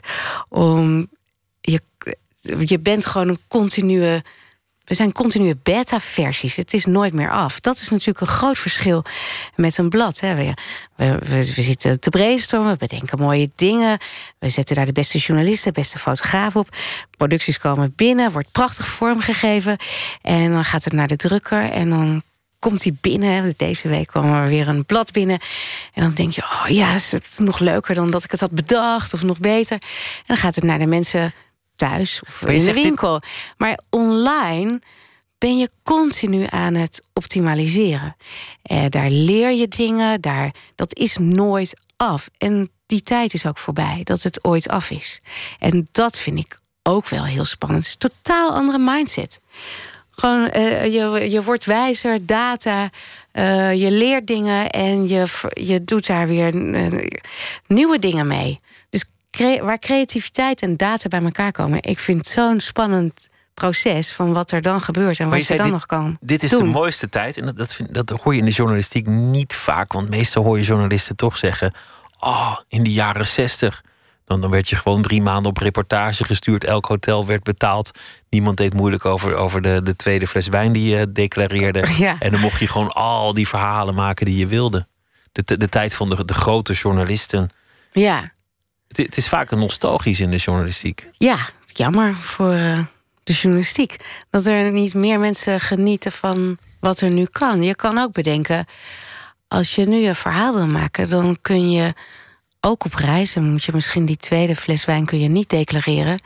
Maar dan kun je met, al met een mobieltje in je eentje een documentaire maken. Dus eh, eh, ik denk dat er zoveel meer mogelijk is. Eh, maar dat er gewoon meer van mensen misschien wordt verwacht. Ehm, maar ja, dat wil niet zeggen dat het minder leuk is, toch? Hoe lang blijf je het zelf leuk vinden? Eh, wat? De journalistiek of het, Het voyeurisme of het bladen maken? De Linda. Nou ja, ik ben nog lang niet uitgekeken op Linda. Ook omdat het eh, zo veelomvattend is. En omdat we zoveel kunnen doen en ook zoveel nog kunnen leren. En ehm, weet je, al die dingen die we doen en die we dan met dezelfde nou ja, lef en liefde doen en met datzelfde DNA. En dat je daar binnen weer een experiment kan aangaan. Linda TV is hartstikke spannend. Zijn we ook nog lang niet klaar en nog lang niet uitgeleerd. Ja, het is veel te leuk om eh, de eerste, weet ik veel, misschien moeten we wel het eerste medische programma op mobiel gaan eh, bedenken. Weet je, dat kan allemaal. Dat ligt nog helemaal. Het is gewoon onontgonnen terrein. Ik ben nog, daar ben ik allemaal nog lang niet klaar mee. Omdat Linda steeds meer wordt dan alleen dat tijdschrift, is het voor jou ook een, een, spannende baan. Ja, maar ik denk dat tegenwoordig is niks meer alleen maar een tijdschrift. Dus je kan. Ik bedoel, eh, eh, deze week eh, de plannen van de NPO gezien. Jij ook waarschijnlijk. Ja, dat, de NPO verandert ook. Het, je, misschien heb jij straks ook niet meer alleen maar een radioprogramma. maar er moeten ook weet je, eh, op social media moet je ook aanwezig zijn. Je moet mensen ook naar je programma lokken. eh, de, de, de, alles eromheen eh, maakt het ook wel weer spannend. En dwingt je ook tot wie zijn wij dan? Wat betekenen we in het leven van mensen? Hoe, hoe zorgen we dat dat consistent blijft, dat dat spannend blijft? Ja, al, die, al die dingen gaan over identiteit, communicatie. Het, is, een heel leuk gebied waar nog heel veel mogelijk is. Wat, wat ook wel mooi is, maar wat ik met de radio heb, is, is dat ik denk: het- is prachtig dat je het kunt verspreiden wat je maakt. Maar voor mij is live in de nacht. ja, dat, snap het ik wel. oerding. Daar Ja. gaat het over. Ja, En, en, en wie je terugluistert, nou prachtig, wees welkom. En dat iemand een fragment deelt op social media, ga je gang. ja, Maar, maar ik, vind, ik vind radio in essentie iets, iets dat een beetje fluiterig klinkt en dat je s'nachts luistert. ja. Maar dat het gedeeld wordt, of dat mensen terugluisteren, dat, eh, dat, dat betekent ook dat, ehm, dat ze de volgende keer misschien wel live gaan luisteren, toch? Eh, Ja, ja, weet je, dus is dit is zo. jouw makersding, Maar zo zeg vind, maar. ik, zo vind ik een blad op papier met een kaft waar je even doorheen bladert. En waar dan een- zit er een cremmetje in. Zit een Ja, zit- in gevouwen. Ja, Dat is, voor, dat is ik leuker. nachtcrème, dat kunnen we nog opsmeren, Pieter. Nee, maar dat, dat, dat vind jij leuker. Ja, Oh ja, maar ik kan. Nou, dat, ik snap het wel. Want ik vind dit ook nog steeds. Lina ook nog steeds heel erg leuk. Maar als ik mijn app open en ik zie daar gewoon. eh, eh, eh, Linda TV. En er zijn elke dag drie nieuwe Linda TV-programma's op te zien. Vind ik dat ook magisch.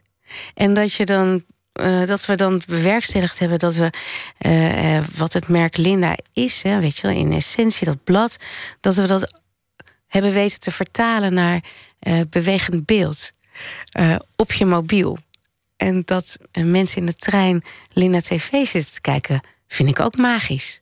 Dus ik, ik kan ook van dat soort nieuwe dingen wel heel erg genieten. moet je ook doen. Je moet uiteindelijk niet blijven hangen in het verleden. Dank dat je te gast wilde zijn. Hilda graag van der. Wel, hoofdredacteur van De Linda. En ik wens je een goede nacht met eh, of zonder nachtcreme. Dank je wel. Dank je.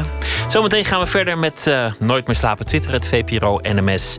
Facebook eh, zitten we ook op. En u kunt ons beluisteren via de podcast, via de website van de VPRO of via iTunes.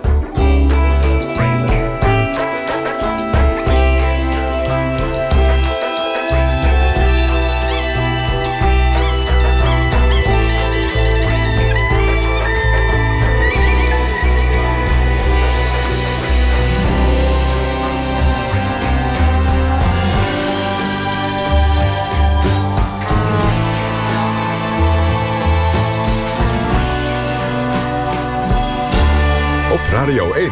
Het nieuws van alle kanten.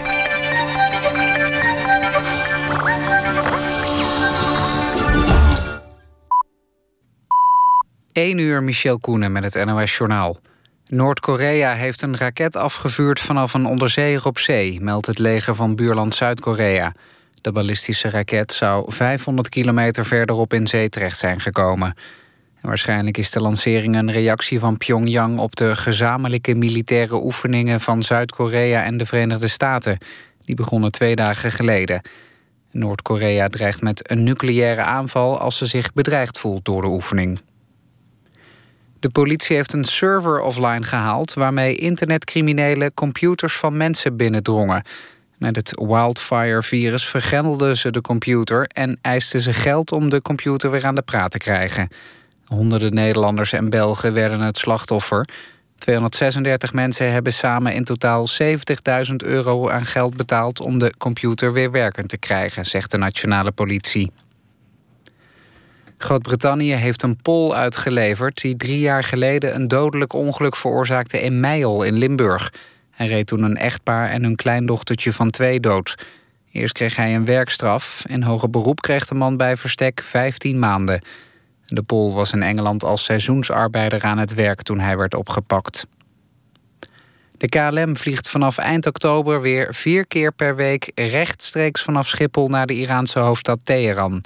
De lijndienst wordt hervat omdat de vraag is toegenomen sinds de economische sancties grotendeels zijn opgeheven.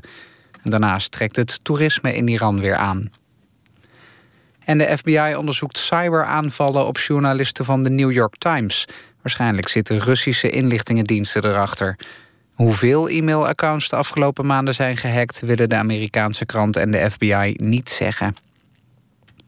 Het weer nog, het is helder vannacht bij zo'n 16 graden. Overdag vrij zonnig en tropisch, 29 tot 32 graden. En donderdag wordt het nog warmer met lokaal 35 graden. Dit was het NOS Journaal. NPO Radio 1. VPRO. Meer slapen.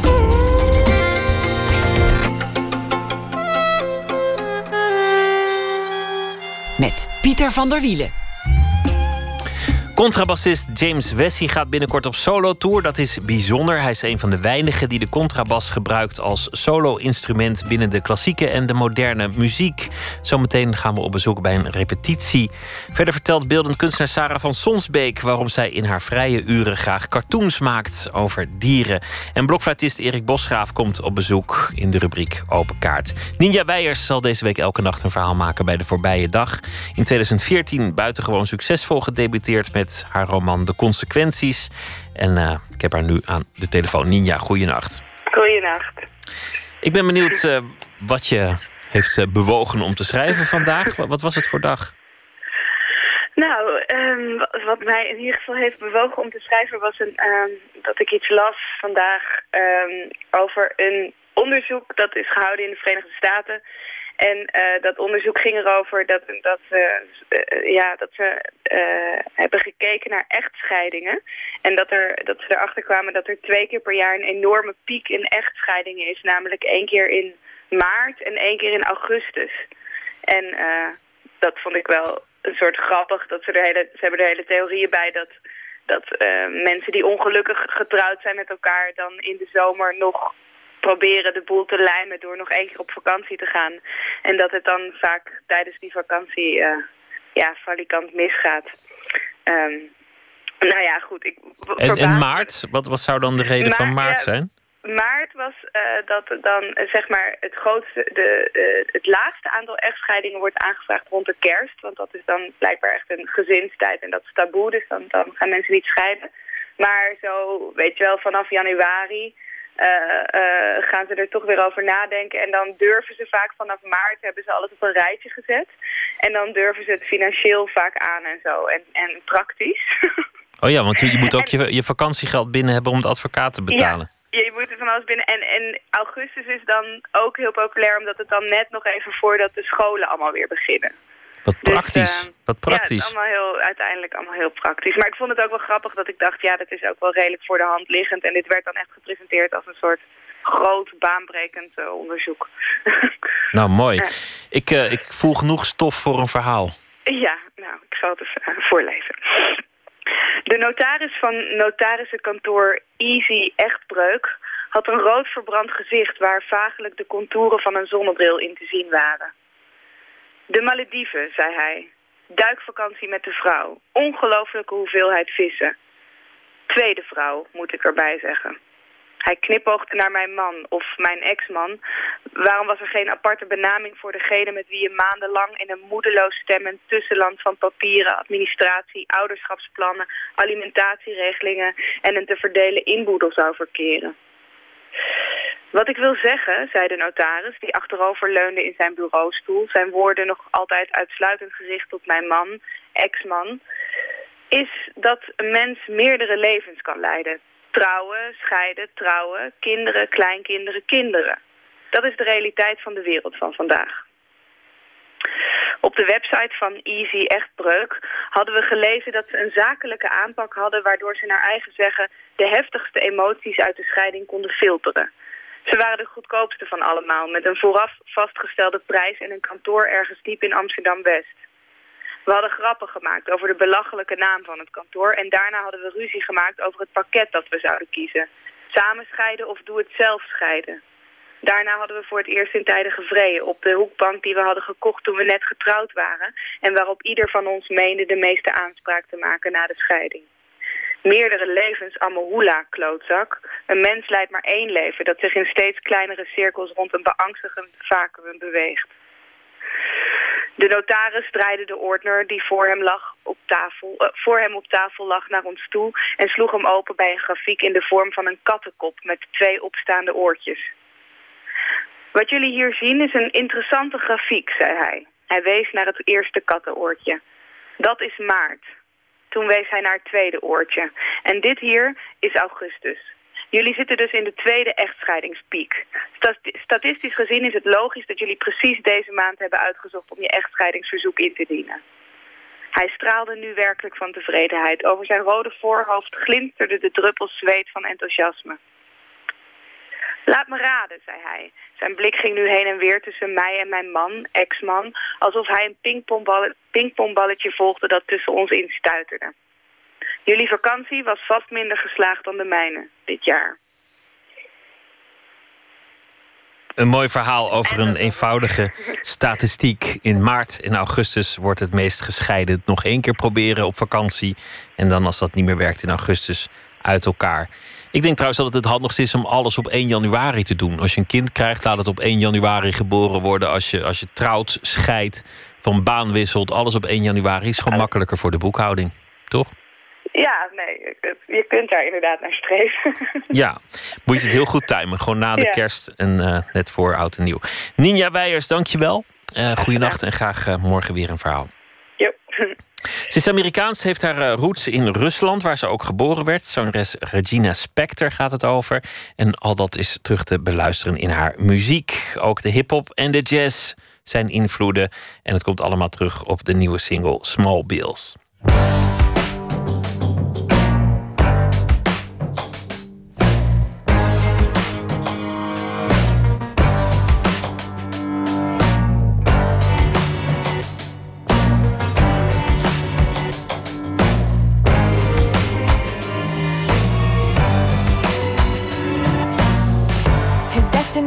Too big to spend. So he broke it into smaller bills and change. By the time he tried to buy the things he needed, he had spent it all on Lucy's and weed. And he had spent it all on chips and Coca Cola. He had spent it all on chocolate and vanilla. He had spent it all and didn't even feel it. He had spent it all and didn't even feel it.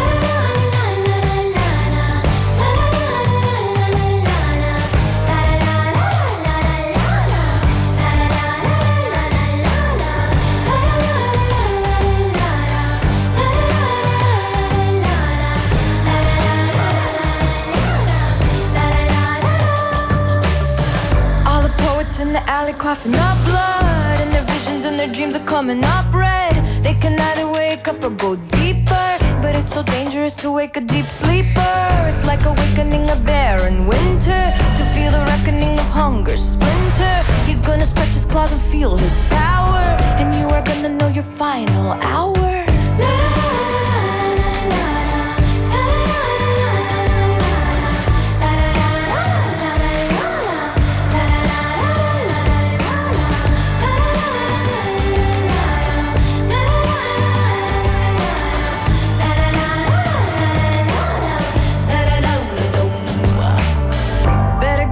start, start running While you were skimming from the top was sunny. But all the weather about to turn real crummy. Cause everybody gonna want their money. Yeah, everybody gonna want their money. Better get a head start, start running.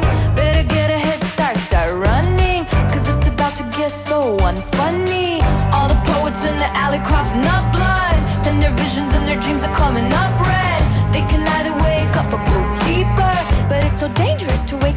sleeper.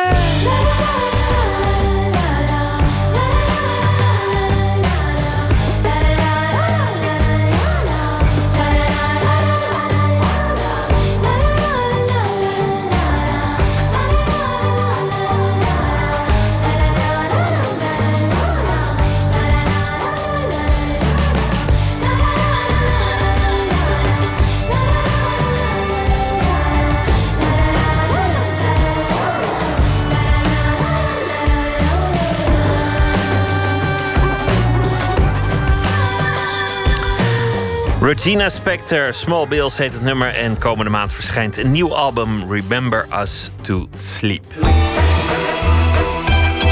Nooit meer slapen. Contrabas is meestal een uh, orkestinstrument in de klassieke en moderne muziek. Maar James Wessey kiest als een van de weinigen voor de contrabas als solo-instrument.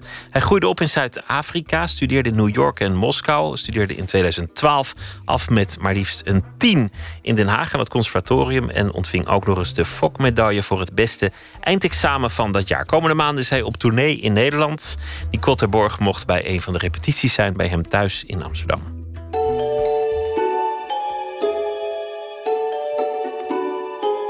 Ik tilde het op over mijn hoofd. Want ik dacht, ik moet doen alsof het heel makkelijk is. En ik ging naar mijn plaats. En, ik, en, het, en het paste net in de stoel naast me. En ik zat daar gewoon. Ik dacht, nou, doe, doe gewoon heel normaal. Alsof je het elke dag doet. En dan, dan komt het goed. Toen zag ik een stewardess. En ze keken zorgelijk. Ze neemde een telefoon. Ze belde iemand. En ik dacht, oh jeetje, dit, gaat, dit, dit komt niet goed. Elke keer als James Wesley met zijn contrabas het vliegtuig instapt, is het vanwege de grote omvang van het instrument de vraag of hij mee mag. Al sinds zijn jeugd is James het gewend om niet voor de makkelijke weg te gaan. Voor de eerste vinger ging het oké, tweede ging ook oké, maar dan de vierde, dat was echt heftig. James speelt al wat jaren viool en piano wanneer hij zijn eerste contrabasles krijgt als 12-jarige jongen in Johannesburg. Ik vond het vrij intimiderend eigenlijk. Want die, die snaren waren ook zo dik. Pijnlijk voor mij. Het was echt. Ik was bijna in tranen op een gegeven moment. Ik vond het zo moeilijk.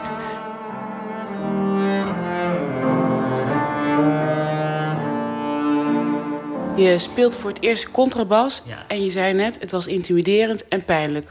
Hoe komt het dat jij toch dacht van, hé, hey, dit wordt mijn instrument? Omdat het zo moeilijk en pijnlijk was, ik neemde de uitdaging.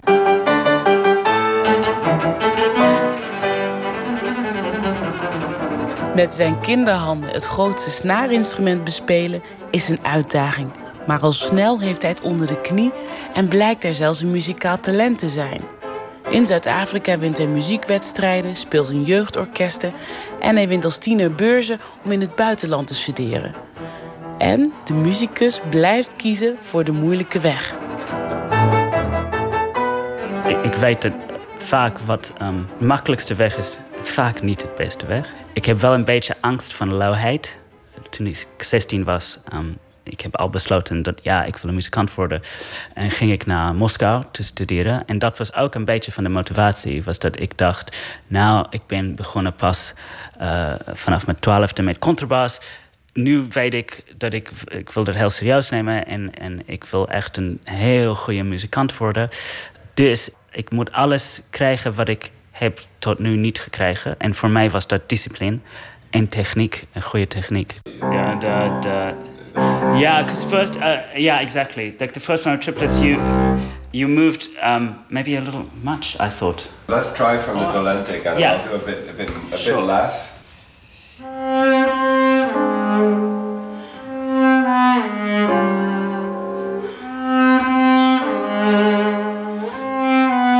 Een donkerbruine afro, een stoppelbaardje, een bril en zijn contrabas tegen zich aan. James repeteert samen met pianist en organist Andrew Wright. Uh, wat we gaan doen eigenlijk, uh, van Andrew is een ja, waanzinnige goede pianist, maar ook een organist. Nou, hij gaat op orgel spelen, ik ga op contrabas spelen bij de Uitmarkt. Uh, dus we gaan nu een beetje door alles wat we gaan spelen. Van Bach en Mozart tot hedendaagse componisten als Berlioz en Carter. De muzikus vindt het belangrijk om tijdens zijn concerten een combinatie te maken tussen klassieke en eigentijdse klassieke muziek. En je wil zoveel mogelijk laten horen wat, wat je instrument kan. En ik vind dat dat uh, combinatie tussen oude muziek en nieuwe muziek levert dat heel goed op. Omdat er zo'n contrast in zit. Voor mij is het dan, de oude muziek is dan mooier en de nieuwe muziek is ook mooier.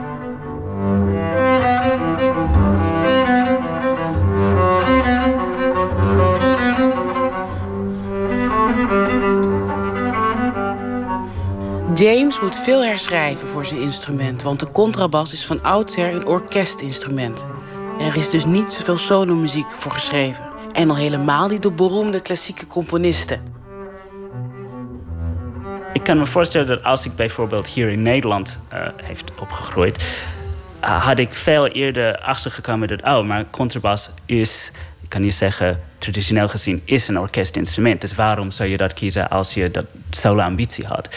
Ik had geen mensen rond me heen wie, eh, wie me vroeg, oh, maar waarom zou je dat doen, met contrabas? Het was gewoon, oh, wat tof, je speelt contrabas. Ja, ik, ik ken niemand die dat speelt. En oh, gaaf.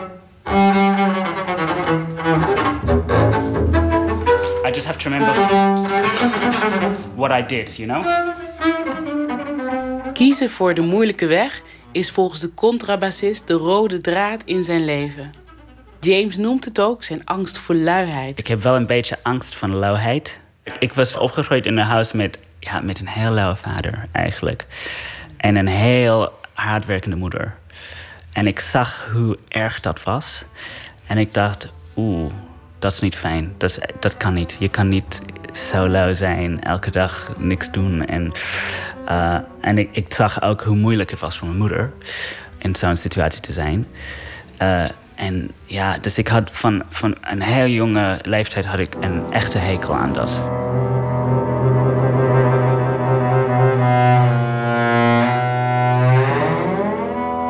Mijn vader, toen ik heel jong was, had hij altijd um, goede banen. Hij was een journalist. Maar hij kon nooit zijn banen houden. Was altijd, hij was altijd na een jaar was hij fired. Dat was nooit zijn eigen schuld. Dat was altijd de schuld van andere mensen. Op een gegeven moment, na ik, weet niet hoeveel banen, stopte hij om uh, dan een nieuwe baan te zoeken. Dus ja, dus hij zat gewoon thuis. En en mijn moeder benaderde hem. En, eh, niet, eh, en zij was eigenlijk heel aardig. Ze was eigenlijk te aardig. Dus ze, ze benaderde hem in een heel, heel mooie manier. Ja, maar je moet wel werk vinden. En hij, hij was altijd bezig met een soort van raar projecten wat niks oplevert. Uh, en hij zei, ja, maar dat is werk. En ze zei, ja, maar je zit in bed tot twee uur in de dag. En ja, hoe is dat werk? Dus dat was wel, dat was wel een beetje weg. En toen heb jij het besluit genomen... ik zal nooit lui zijn. Ja. Ik kies voor de moeilijke weg. ja. mag, ik dat, mag, ik dat, zo zeggen? Ja, tuurlijk. Ik denk dat ik... Ik, ik heb het niet zo... Um, het was niet zo... Het was een beetje meer unconscious than that. Um, maar het, het, was een beetje onbewust? Ja, ja het was een beetje uh, onbewust. Uh, maar het was zeker dat ik, ik zag hem als een voorbeeld van hoe ik mijn leven niet moet leiden. Yeah, and the pro- the problem is that you know every if they go to like zero energy every time, yeah. then it really feels long. That's but if you can keep them yeah. like a little bit um, right. yeah, yeah, absolutely. of tension going, then yeah, let's try.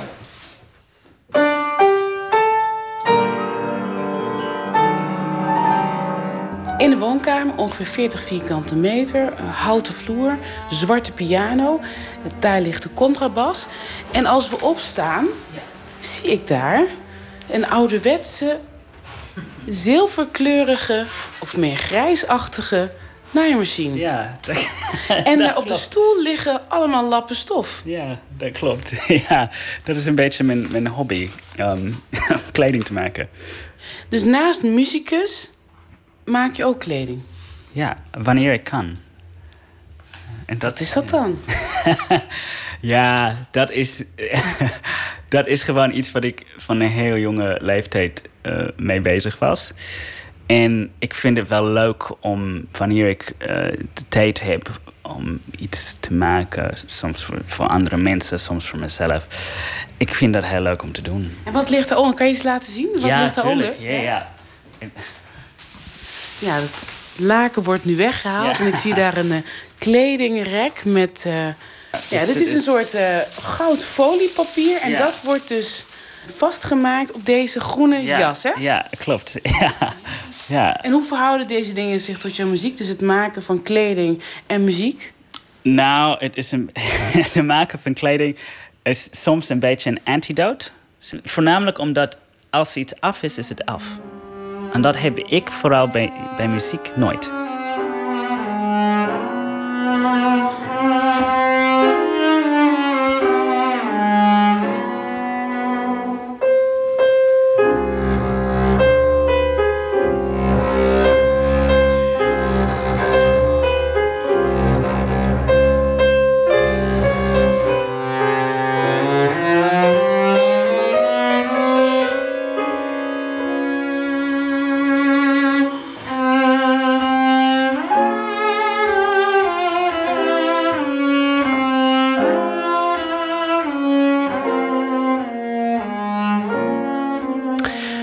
James dit weekend eh, te zien op de Uitmarkt in Amsterdam. Daarna volgt een tournee door Nederland. 18 september in Utrecht, 29 september in Den Haag onder meer.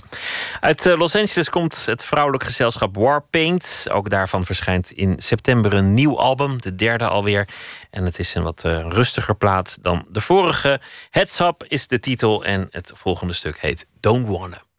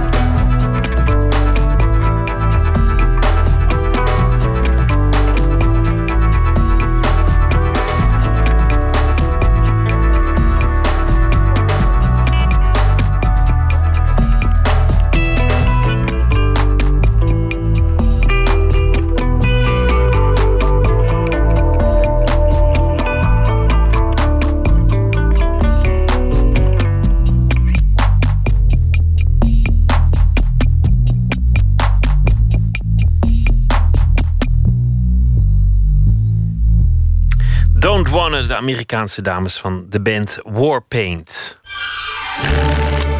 Open kaart. 150 vragen over werk en leven. Op elke kaart staat een vraag. En de gast bepaalt zo mede het gesprek. Of althans, de willekeur bepaalt mede het gesprek. Blokfluitist Erik Bosgraaf is uh, te gast. Uh, naar aanleiding van het nieuwe culturele seizoen. In Utrecht zal hij spelen bij de Aft Trap. Hij is iemand van bijzondere samenwerkingen en van bijzondere opnamen. In 2007 brak hij internationaal door met Jacob van Eycks der Fluiten Lusthof. Heel Nederlands. En hij heeft ook eh, meerdere opnames gemaakt van Teleman. Waarvan een nieuwe zal verschijnen in uh, september.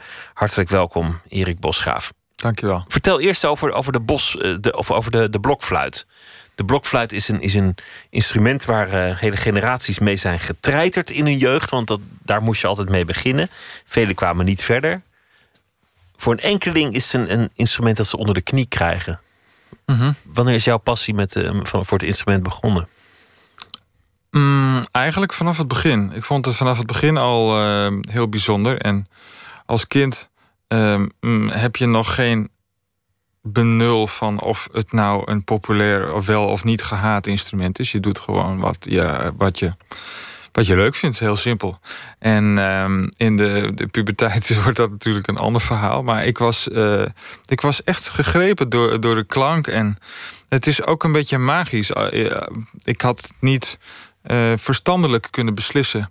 En het lijkt ik vergelijk dat vaak met die scène uit Harry Potter, waarin de toverstaf Harry Potter kiest. En, niet, en, en je, ik heb bijna het gevoel dat een instrument jou kan kiezen. Dat je, uh, en dat is dan, dan heb je eigenlijk geen keuze dan dat maar gewoon te volgen. Is het ook je stem geworden? Is het ook een manier waar, waar, waarmee om je op, tot de wereld te richten? Absoluut. Want als, als een instrument dus zo tot je spreekt en je, je daar zo uh, muziek mee kan maken, dan um, verdwijnen hoe langer hoe meer uh, barrières eigenlijk. En uh, wordt het een, een, een medium voor het onuitspreekbare. En dat, dat, uh, dat klinkt meteen weer heel filosofisch, maar uh, het, de, ja, de woorden zijn natuurlijk maar ja, een schaduw van, waar het, van het hogere, zou je kunnen zeggen, of van emoties. Ik heb, ik heb vaak het gevoel dat we met woorden, maar er in ieder geval als ik met woorden bezig ben, maar een beetje zo schetsmatig uh, bezig ben. Terwijl ik met, als ik muziek speel en als ik blokfluit speel, dan kom ik tot de essentie van dingen. Jij hebt echt alle hoeken van, van het instrument al zo'n beetje verkend. Van, van gewoon het, repertoire dat er is voor blokfluit. Bach, Telemann, doe maar op. Tot, tot bijzondere samenwerking. Ik wil een uh, fragment laten horen van een bewerking van de vierjarige tijden van Vivaldi.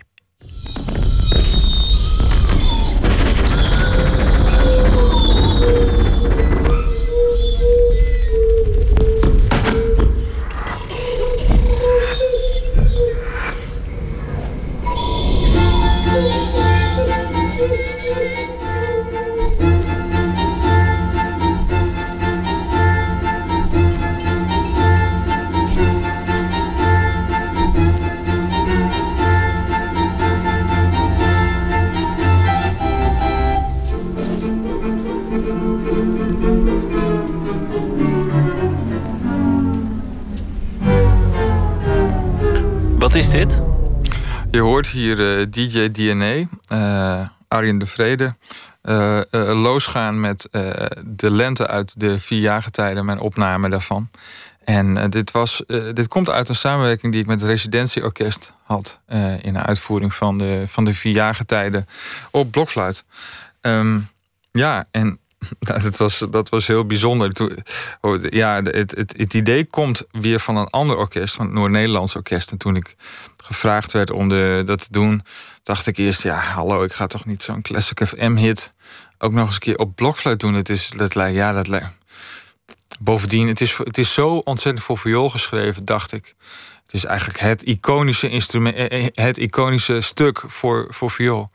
Um, maar het bleek eigenlijk heel goed te werken. En, het, en um, ik heb ook daar weer um, mijn eigen grenzen uh, moeten verleggen. Dat is denk ik ook nog wel het allerleukste. Dat, dat een, een componist of een programmeur soms een idee heeft.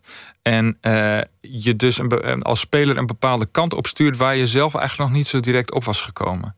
Zoals dit ook. En dat, dat ga je ook doen in Utrecht, waarover straks meer. De kaarten. Want, want dat is uh, een beetje het spelletje hier. Ja. Wil je erin trekken, alsjeblieft?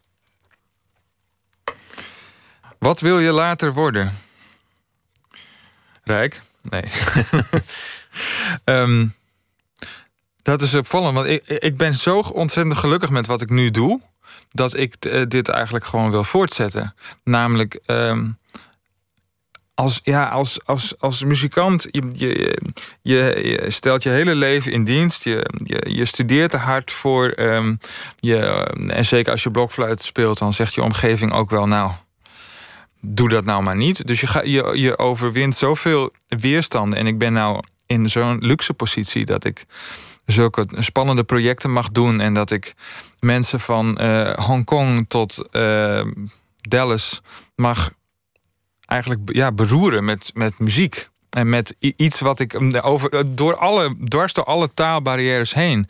Ik heb wel eens het gevoel dat, wij, dat ik, ja, de muzikanten zijn de laatste overgebleven tovenaars. Wij, dit is magie. Wij spelen met magie en wij beroeren het, het publiek zonder tussenkomst van, van wat dan ook. Vind ik mooi dat juist een fluitist dat zegt, omdat, omdat de magie dus de sprookjes ook altijd over de fluit gaan. Dat klopt, ja. Het is ook altijd dat, dat iedereen achter de fluitist aanloopt... of dat mensen gek of onzedelijk worden na het luisteren van, van fluitklanken. Dat, dat gaat nooit over, uh, over een harp of, of een ander harmonisch instrument. Nee, dat is wel heel sterk inderdaad. Bij de, bij de rattenvanger van Hamelen inderdaad. En ja, ik weet niet wat dat is bij de fluit. Ik heb het gevoel dat misschien is, heeft het ook te maken met het feit dat het zo verschrikkelijk kan klinken aan, uh, tegelijkertijd. Dat het is, het is raak of het is niet raak. Het is, het is een instrument, er zit weinig tussenin. Um, ik, heb wel, ik heb ook wat andere instrumenten gespeeld en ik had wel eens het gevoel dat je daar makkelijker je achter kon verstoppen. Bijvoorbeeld omdat het, uh, uh, omdat er, glimmend was en er veel kleppen op zaten, of weet ik veel. Uh, een blokfluit, het is, ja, het is drie keer niks. Het is helemaal niks. Dus dat, je kunt je nergens achter verstoppen. Dus je moet meteen doordringen tot de kern. Het is een soort haiku, bijna, zou je kunnen zeggen. Laten we nog één kaart doen.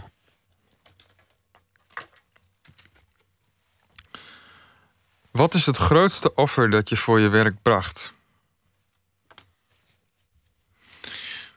Nou, dat is niet zo dramatisch, maar er zijn sporten die ik niet meer doe omdat ik te bang ben dat er iets met mijn vingers gebeurt. Want die heb je nodig, die vingers. Ja, ja nogal. Als fluitist, blokfluitist. Ja. Schaatsen heb ik ook een beetje moeite mee. Ik ben Fries, hè. Dus schaatsen vind ik wel echt fantastisch.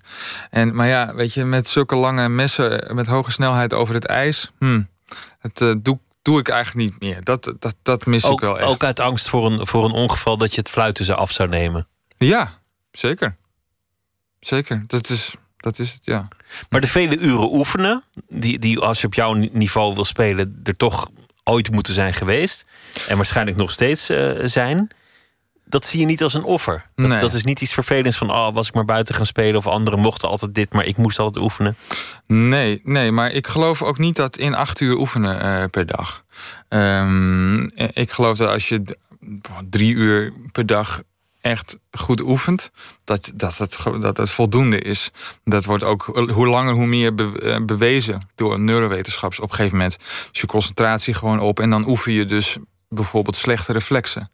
Ik ben wel de hele dag ermee bezig. Dus als ik, ik kan prima uh, uh, over straat lopen en um, alle vingerbewegingen en het hele stuk van begin tot eind doornemen. En dat is, dat is denk ik veel belangrijker. Het gaat allemaal over, over voorstelling. Voorstelling boven, boven gewoon het vinger oefenen. Wat ga je doen bij de opening van het culturele seizoen in Utrecht? En vertel eens over, over je nieuwe album daarna. De opening van het culturele seizoen in Utrecht gaat over. Uh, dat heet Jacob 3.0. en het eh, komt eigenlijk uh, door een. het is geboren uit frustratie. Namelijk, Jacob van Eyck was een Utrechtse componist uit het midden van de 17e eeuw. En er is bijna niemand die hem kent. en dat terwijl Rembrandt uit dezelfde tijd wel heel bekend is. En um, er is ook geen Jacob van Eyckstraat in Utrecht. Dus we, Arjen, uh, De Vrede, DJ DNA, Jorrit Tamega en ik hebben de handen in één geslagen... samen met Timo Wind en Wieneke van Muiswinkel... om um, en, op, een, op een manier vorm te geven daaraan die, die ook heel... Die, die, die eigenlijk Jacob van Eyck uit zijn tijd haalt en in het nu plaatst. Dus we zijn uh, op zoek gegaan naar dingen die Jacob van Eyck met nu verbinden. Nou, Jacob van Eyck was eigenlijk was waarschijnlijk DJ geweest in de 17e eeuw. Of had met samples gespeeld. Mochten die er waar, eh, zijn in de 17e eeuw. Die waren er natuurlijk niet. Omdat hij gebruikte ook melodieën uit die tijd. En hij varieerde daarop. En hij brak die ook in stukjes. En um, ja, en dat met zo'n ontzettende verve en kwaliteit. Dat we dat dus voor het voetlicht uh, willen brengen. Dat is Jacob 3.0. en het album Teleman, dat heb je eerder opgenomen? Nee, ik heb, ik heb, ik heb uh, andere stukken van Teleman opgenomen. Ja, andere stukken van Teleman. Maar nu komt, komt er een nieuw album. Dat verschijnt 1 september.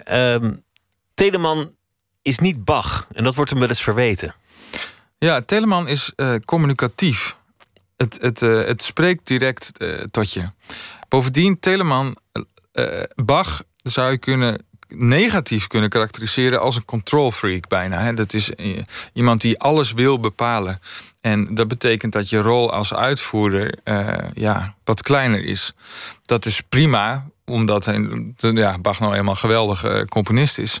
Maar Telemann is leuker wat dat betreft. Want die laat veel meer vrijheid voor de, voor de uitvoerder. En als je goed met die vrijheid speelt, dan is Telemann geweldige muziek. En, we moeten niet vergeten dat uh, het, het, is muziek uit een orale cultuur. Dus de meeste mensen konden niet lezen en schrijven. Dus eigenlijk dat wat je in de noten ziet, dat is maar 60% van, of 70% van wat er uiteindelijk gaat klinken. En dat is bij Bach niet zo. Dat kun je gewoon invoeren in een computer en je hoort nog dat het een goed stuk is, bij wijze van spreken. Dus dat is waarom Telemann een wat slechtere naam heeft. Maar waar, waardoor het voor, voor spelers, en als je daarmee om kunt gaan met die, met die vrijheid en met versieringen en met timing en met spontaniteit en met retoriek, dan is Telemann eigenlijk veel fijner. Dankjewel en heel veel plezier met uh, alles wat je gaat doen, Erik Bosgraaf. Dankjewel. Dankjewel. Oh ja, en het uh, optreden vindt plaats uh, in Utrecht in Tivoli op 4 september. Een recent nummer van Dotan, Shadow Wind.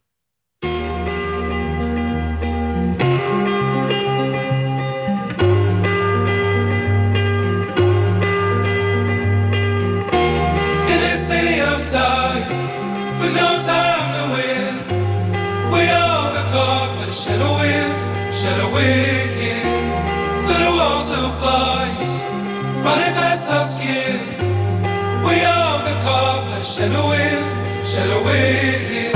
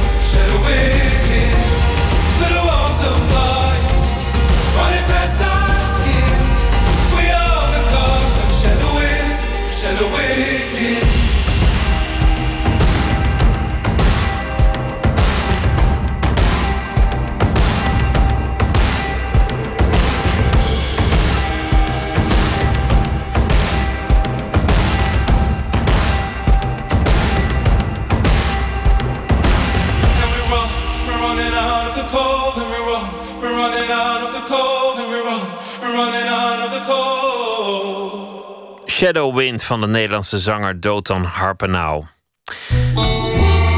Nooit meer slapen. Na de zomer pakken veel mensen hun eh, creatieve hobby weer op. Het pianoboek wordt afgestoft of uh, de schildersezel wordt uit de schuur gehaald. Bij Nooit meer slapen gaan we op zoek naar kunstenaars die ook een kunstzinnige hobby hebben. Tjitske Musche die uh, spreekt ze. Creatieve uitspattingen die losstaan van het eigenlijke werk als beeldhouwer, zanger, acteur of schrijver. Puur ter ontspanning en vermaak. Vandaag is dat beeldende kunstenaar Sarah van Sonsbeek die in de vrije uren cartoons met dieren maakt. Sarah van Sonsbeek is een conceptueel kunstenaar. Ze maakt installaties en objecten van bijzondere materialen, van goud bijvoorbeeld. Laatst had ze nog een solo-tentoonstelling in de Nederlandse Bank in Amsterdam. Net als veel kunstenaars tekent ze al zolang ze zich kan herinneren. Er hangt zelfs tekeningen uh, niet van dieren, terwijl ik nu meestal dieren teken. Maar uh, er hangen ook tekeningen bij mijn ouders waarvan ik niet meer kan herinneren dat ik ze gemaakt heb. Dus zo jong was ik toen, misschien zes of ja, voordat ik het zelf weet eigenlijk. Na een studie architectuur in Delft gaat ze studeren aan de Kunstacademie in Amsterdam. Op de Rietveld uh, begon ik natuurlijk in het basisjaar net als iedereen ook met tekenen. Want ik tekende al mijn hele leven. Maar ik kreeg daar best wel veel kritiek op. Ze zeiden ook, je, je tekent te goed, dus je techniek is te goed en zo. En ik weet nog dat we daar stonden met zo'n klasje om zo'n tekening heen. En ik dacht, hier heb ik helemaal geen zin in. Ik uh, heb helemaal geen zin om kritiek te krijgen op dat tekenen, want dat doe ik echt voor de lol. Dus toen dacht ik, nou, ik doe dit dus nooit meer voor de kunst. En dus werd het een hobby. Het is heel lekker om te doen. En ik denk, zoals ik het nu doe, ik teken dus heel vaak dieren met menselijke eigenschappen. Ja, dat klinkt echt vreselijk. Maar heel vaak uh, als ik ergens mee zit of zo. Of om, om uh, ja, iets wat iemand zegt wat ik raar vind of kwetsend of soms ook grappig. Laat ik dan uh, dieren zeggen. En het is voor mij gewoon, ja, het is bijna therapeutisch zou je kunnen zeggen. Manier om, om te lachen om iets of iets minder erg te maken of een soort plek te geven. Een beetje als, als een dagboek kan zijn. Het is echt een soort uitlaatklep die er dus altijd is. En die met name, geloof ik, voor hele grote emoties. Want ik ben niet echt zo'n dagboekschrijver die dan uh, tien bladzijden vol pent. Uh, maar die dus met name kan helpen emoties te verwerken. Of, of hè, dingen in de politiek die ik erg vind. Of iets wat een uh, geliefde gezegd heeft wat ik erg vind. Dus het is echt een soort ja, verwerking.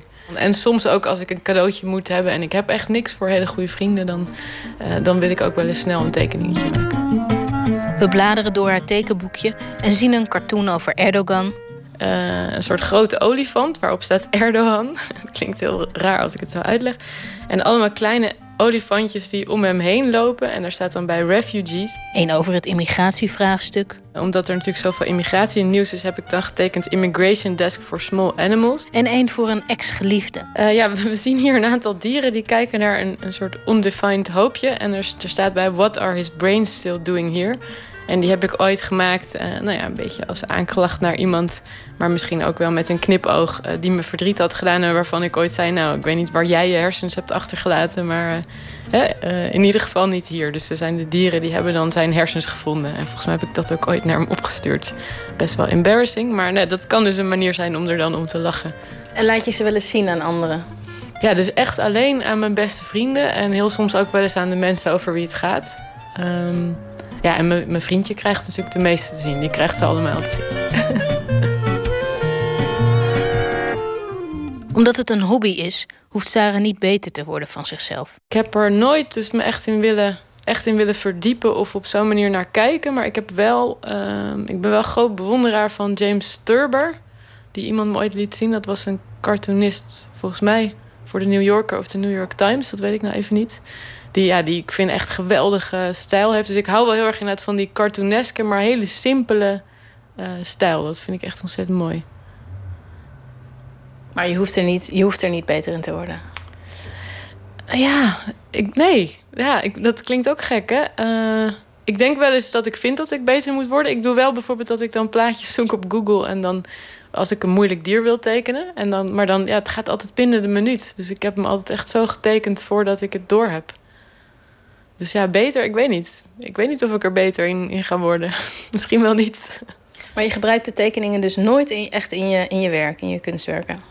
Nee, terwijl er best wel mensen zijn die zeggen: Oh, daar moet je iets mee doen. En ik heb ook wel fantasieën gehad om dan, eh, hè, zoals waarschijnlijk heel veel eh, mensen, om dan iets mee te doen onder een pseudoniem. Maar op een manier, nee. Nee, ik heb dat toch, ik heb, ken ik toch een hele grote drempel. Misschien omdat het zo anders is. Of omdat ik denk dat het minder goed is, dat het heel persoonlijk is. Of misschien omdat ik bang ben dat de lol er dan vanaf gaat. Ik weet het eigenlijk niet. Is het kunst? Oh, geen idee. Maar ik, ik wil er ook helemaal niet eens over nadenken of het wel kunst is. Het is, uh, ja. Het is juist zo fijn dat het helemaal niet in welke categorie dan ook hoeft, te, hoeft te vallen. Misschien is hobby dan gewoon een heel veilige omschrijving.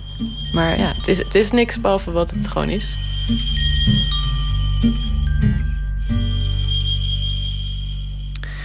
Sarah van Sonsbeek in een uh, korte reeks van Tjitske Musche over kunstenaars met een kunstzinnige hobby.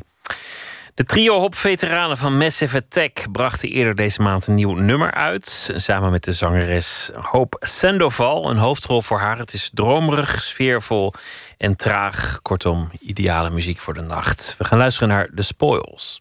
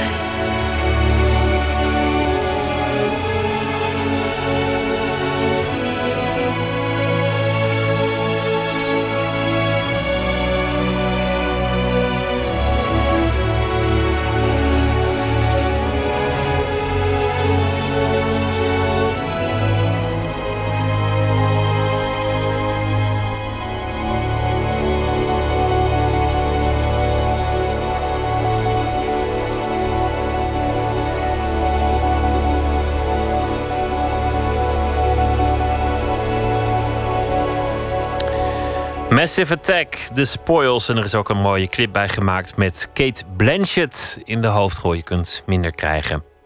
We sluiten af deze week met uh, gedicht van Menno Wigman. In 1997 gedebuteerd met de bundel Zomers stinken alle steden. Sindsdien nog vele bundels gemaakt. De laatste heet Slordig met geluk. Elke nacht zal hij een uh, gedicht uit eigen werk voordragen en toelichten. En vannacht is dat het gedicht Herostratos.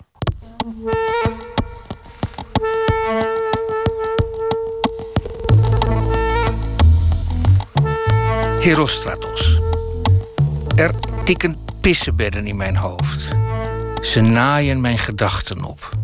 Ik denk al dagen aan een daad zo groot, zo hevig en dramatisch dat mijn naam in alle kranten komt te staan. Napoleon, las ik, was kleurenblind en bloed was voor hem groen als gras. En Nero, die bijziend was, hield het spel in zijn arena bij door een smaragd. Nu even stilstaan, moet je horen. Ik ga straks de straat op, ik besta het, schiet me leeg en verf de feeststad groen.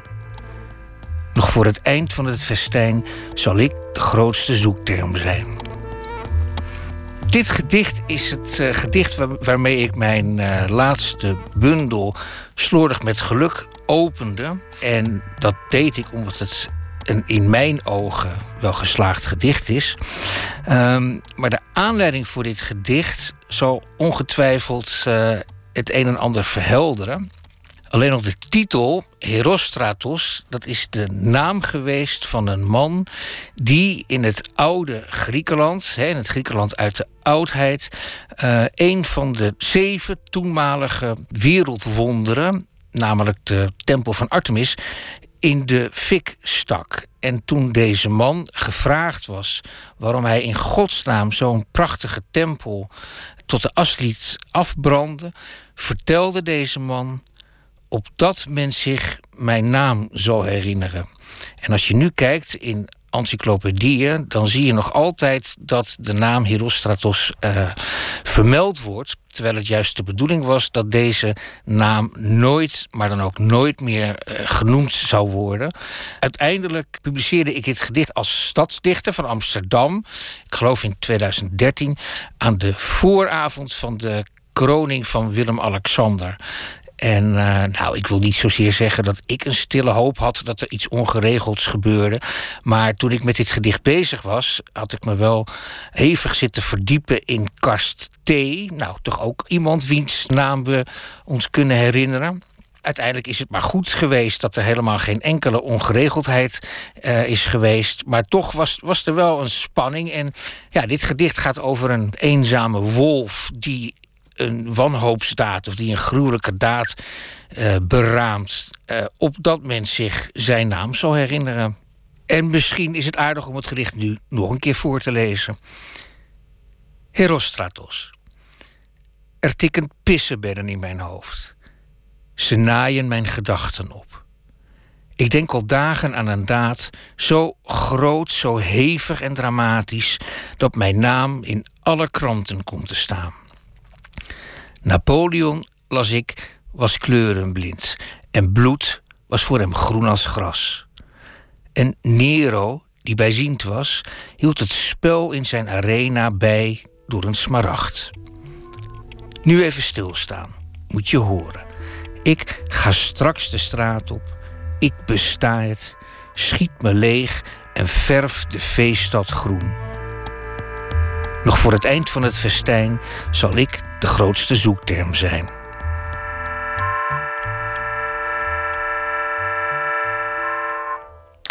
Herostratos, een eh, gedicht van Menno Wichman, door hemzelf voorgedragen en toegelicht. Morgen in Nooit meer slapen komt Philippe Remarque op bezoek. Hij is hoofdredacteur van de Volkskrant. Daarvoor was hij voor dezelfde krant werkzaam als correspondent in Washington en Berlijn en als parlementair redacteur. En we gaan ook praten met eh, DJ Joost van Bellen... naar aanleiding van een optreden dat hij zou geven... op het Utrechtse festival Strand. Dat allemaal morgen in Nooit meer slapen. Voor nu wens ik u een hele goede nacht. En morgen wens ik u een mooie warme dag. En graag weer tot dan.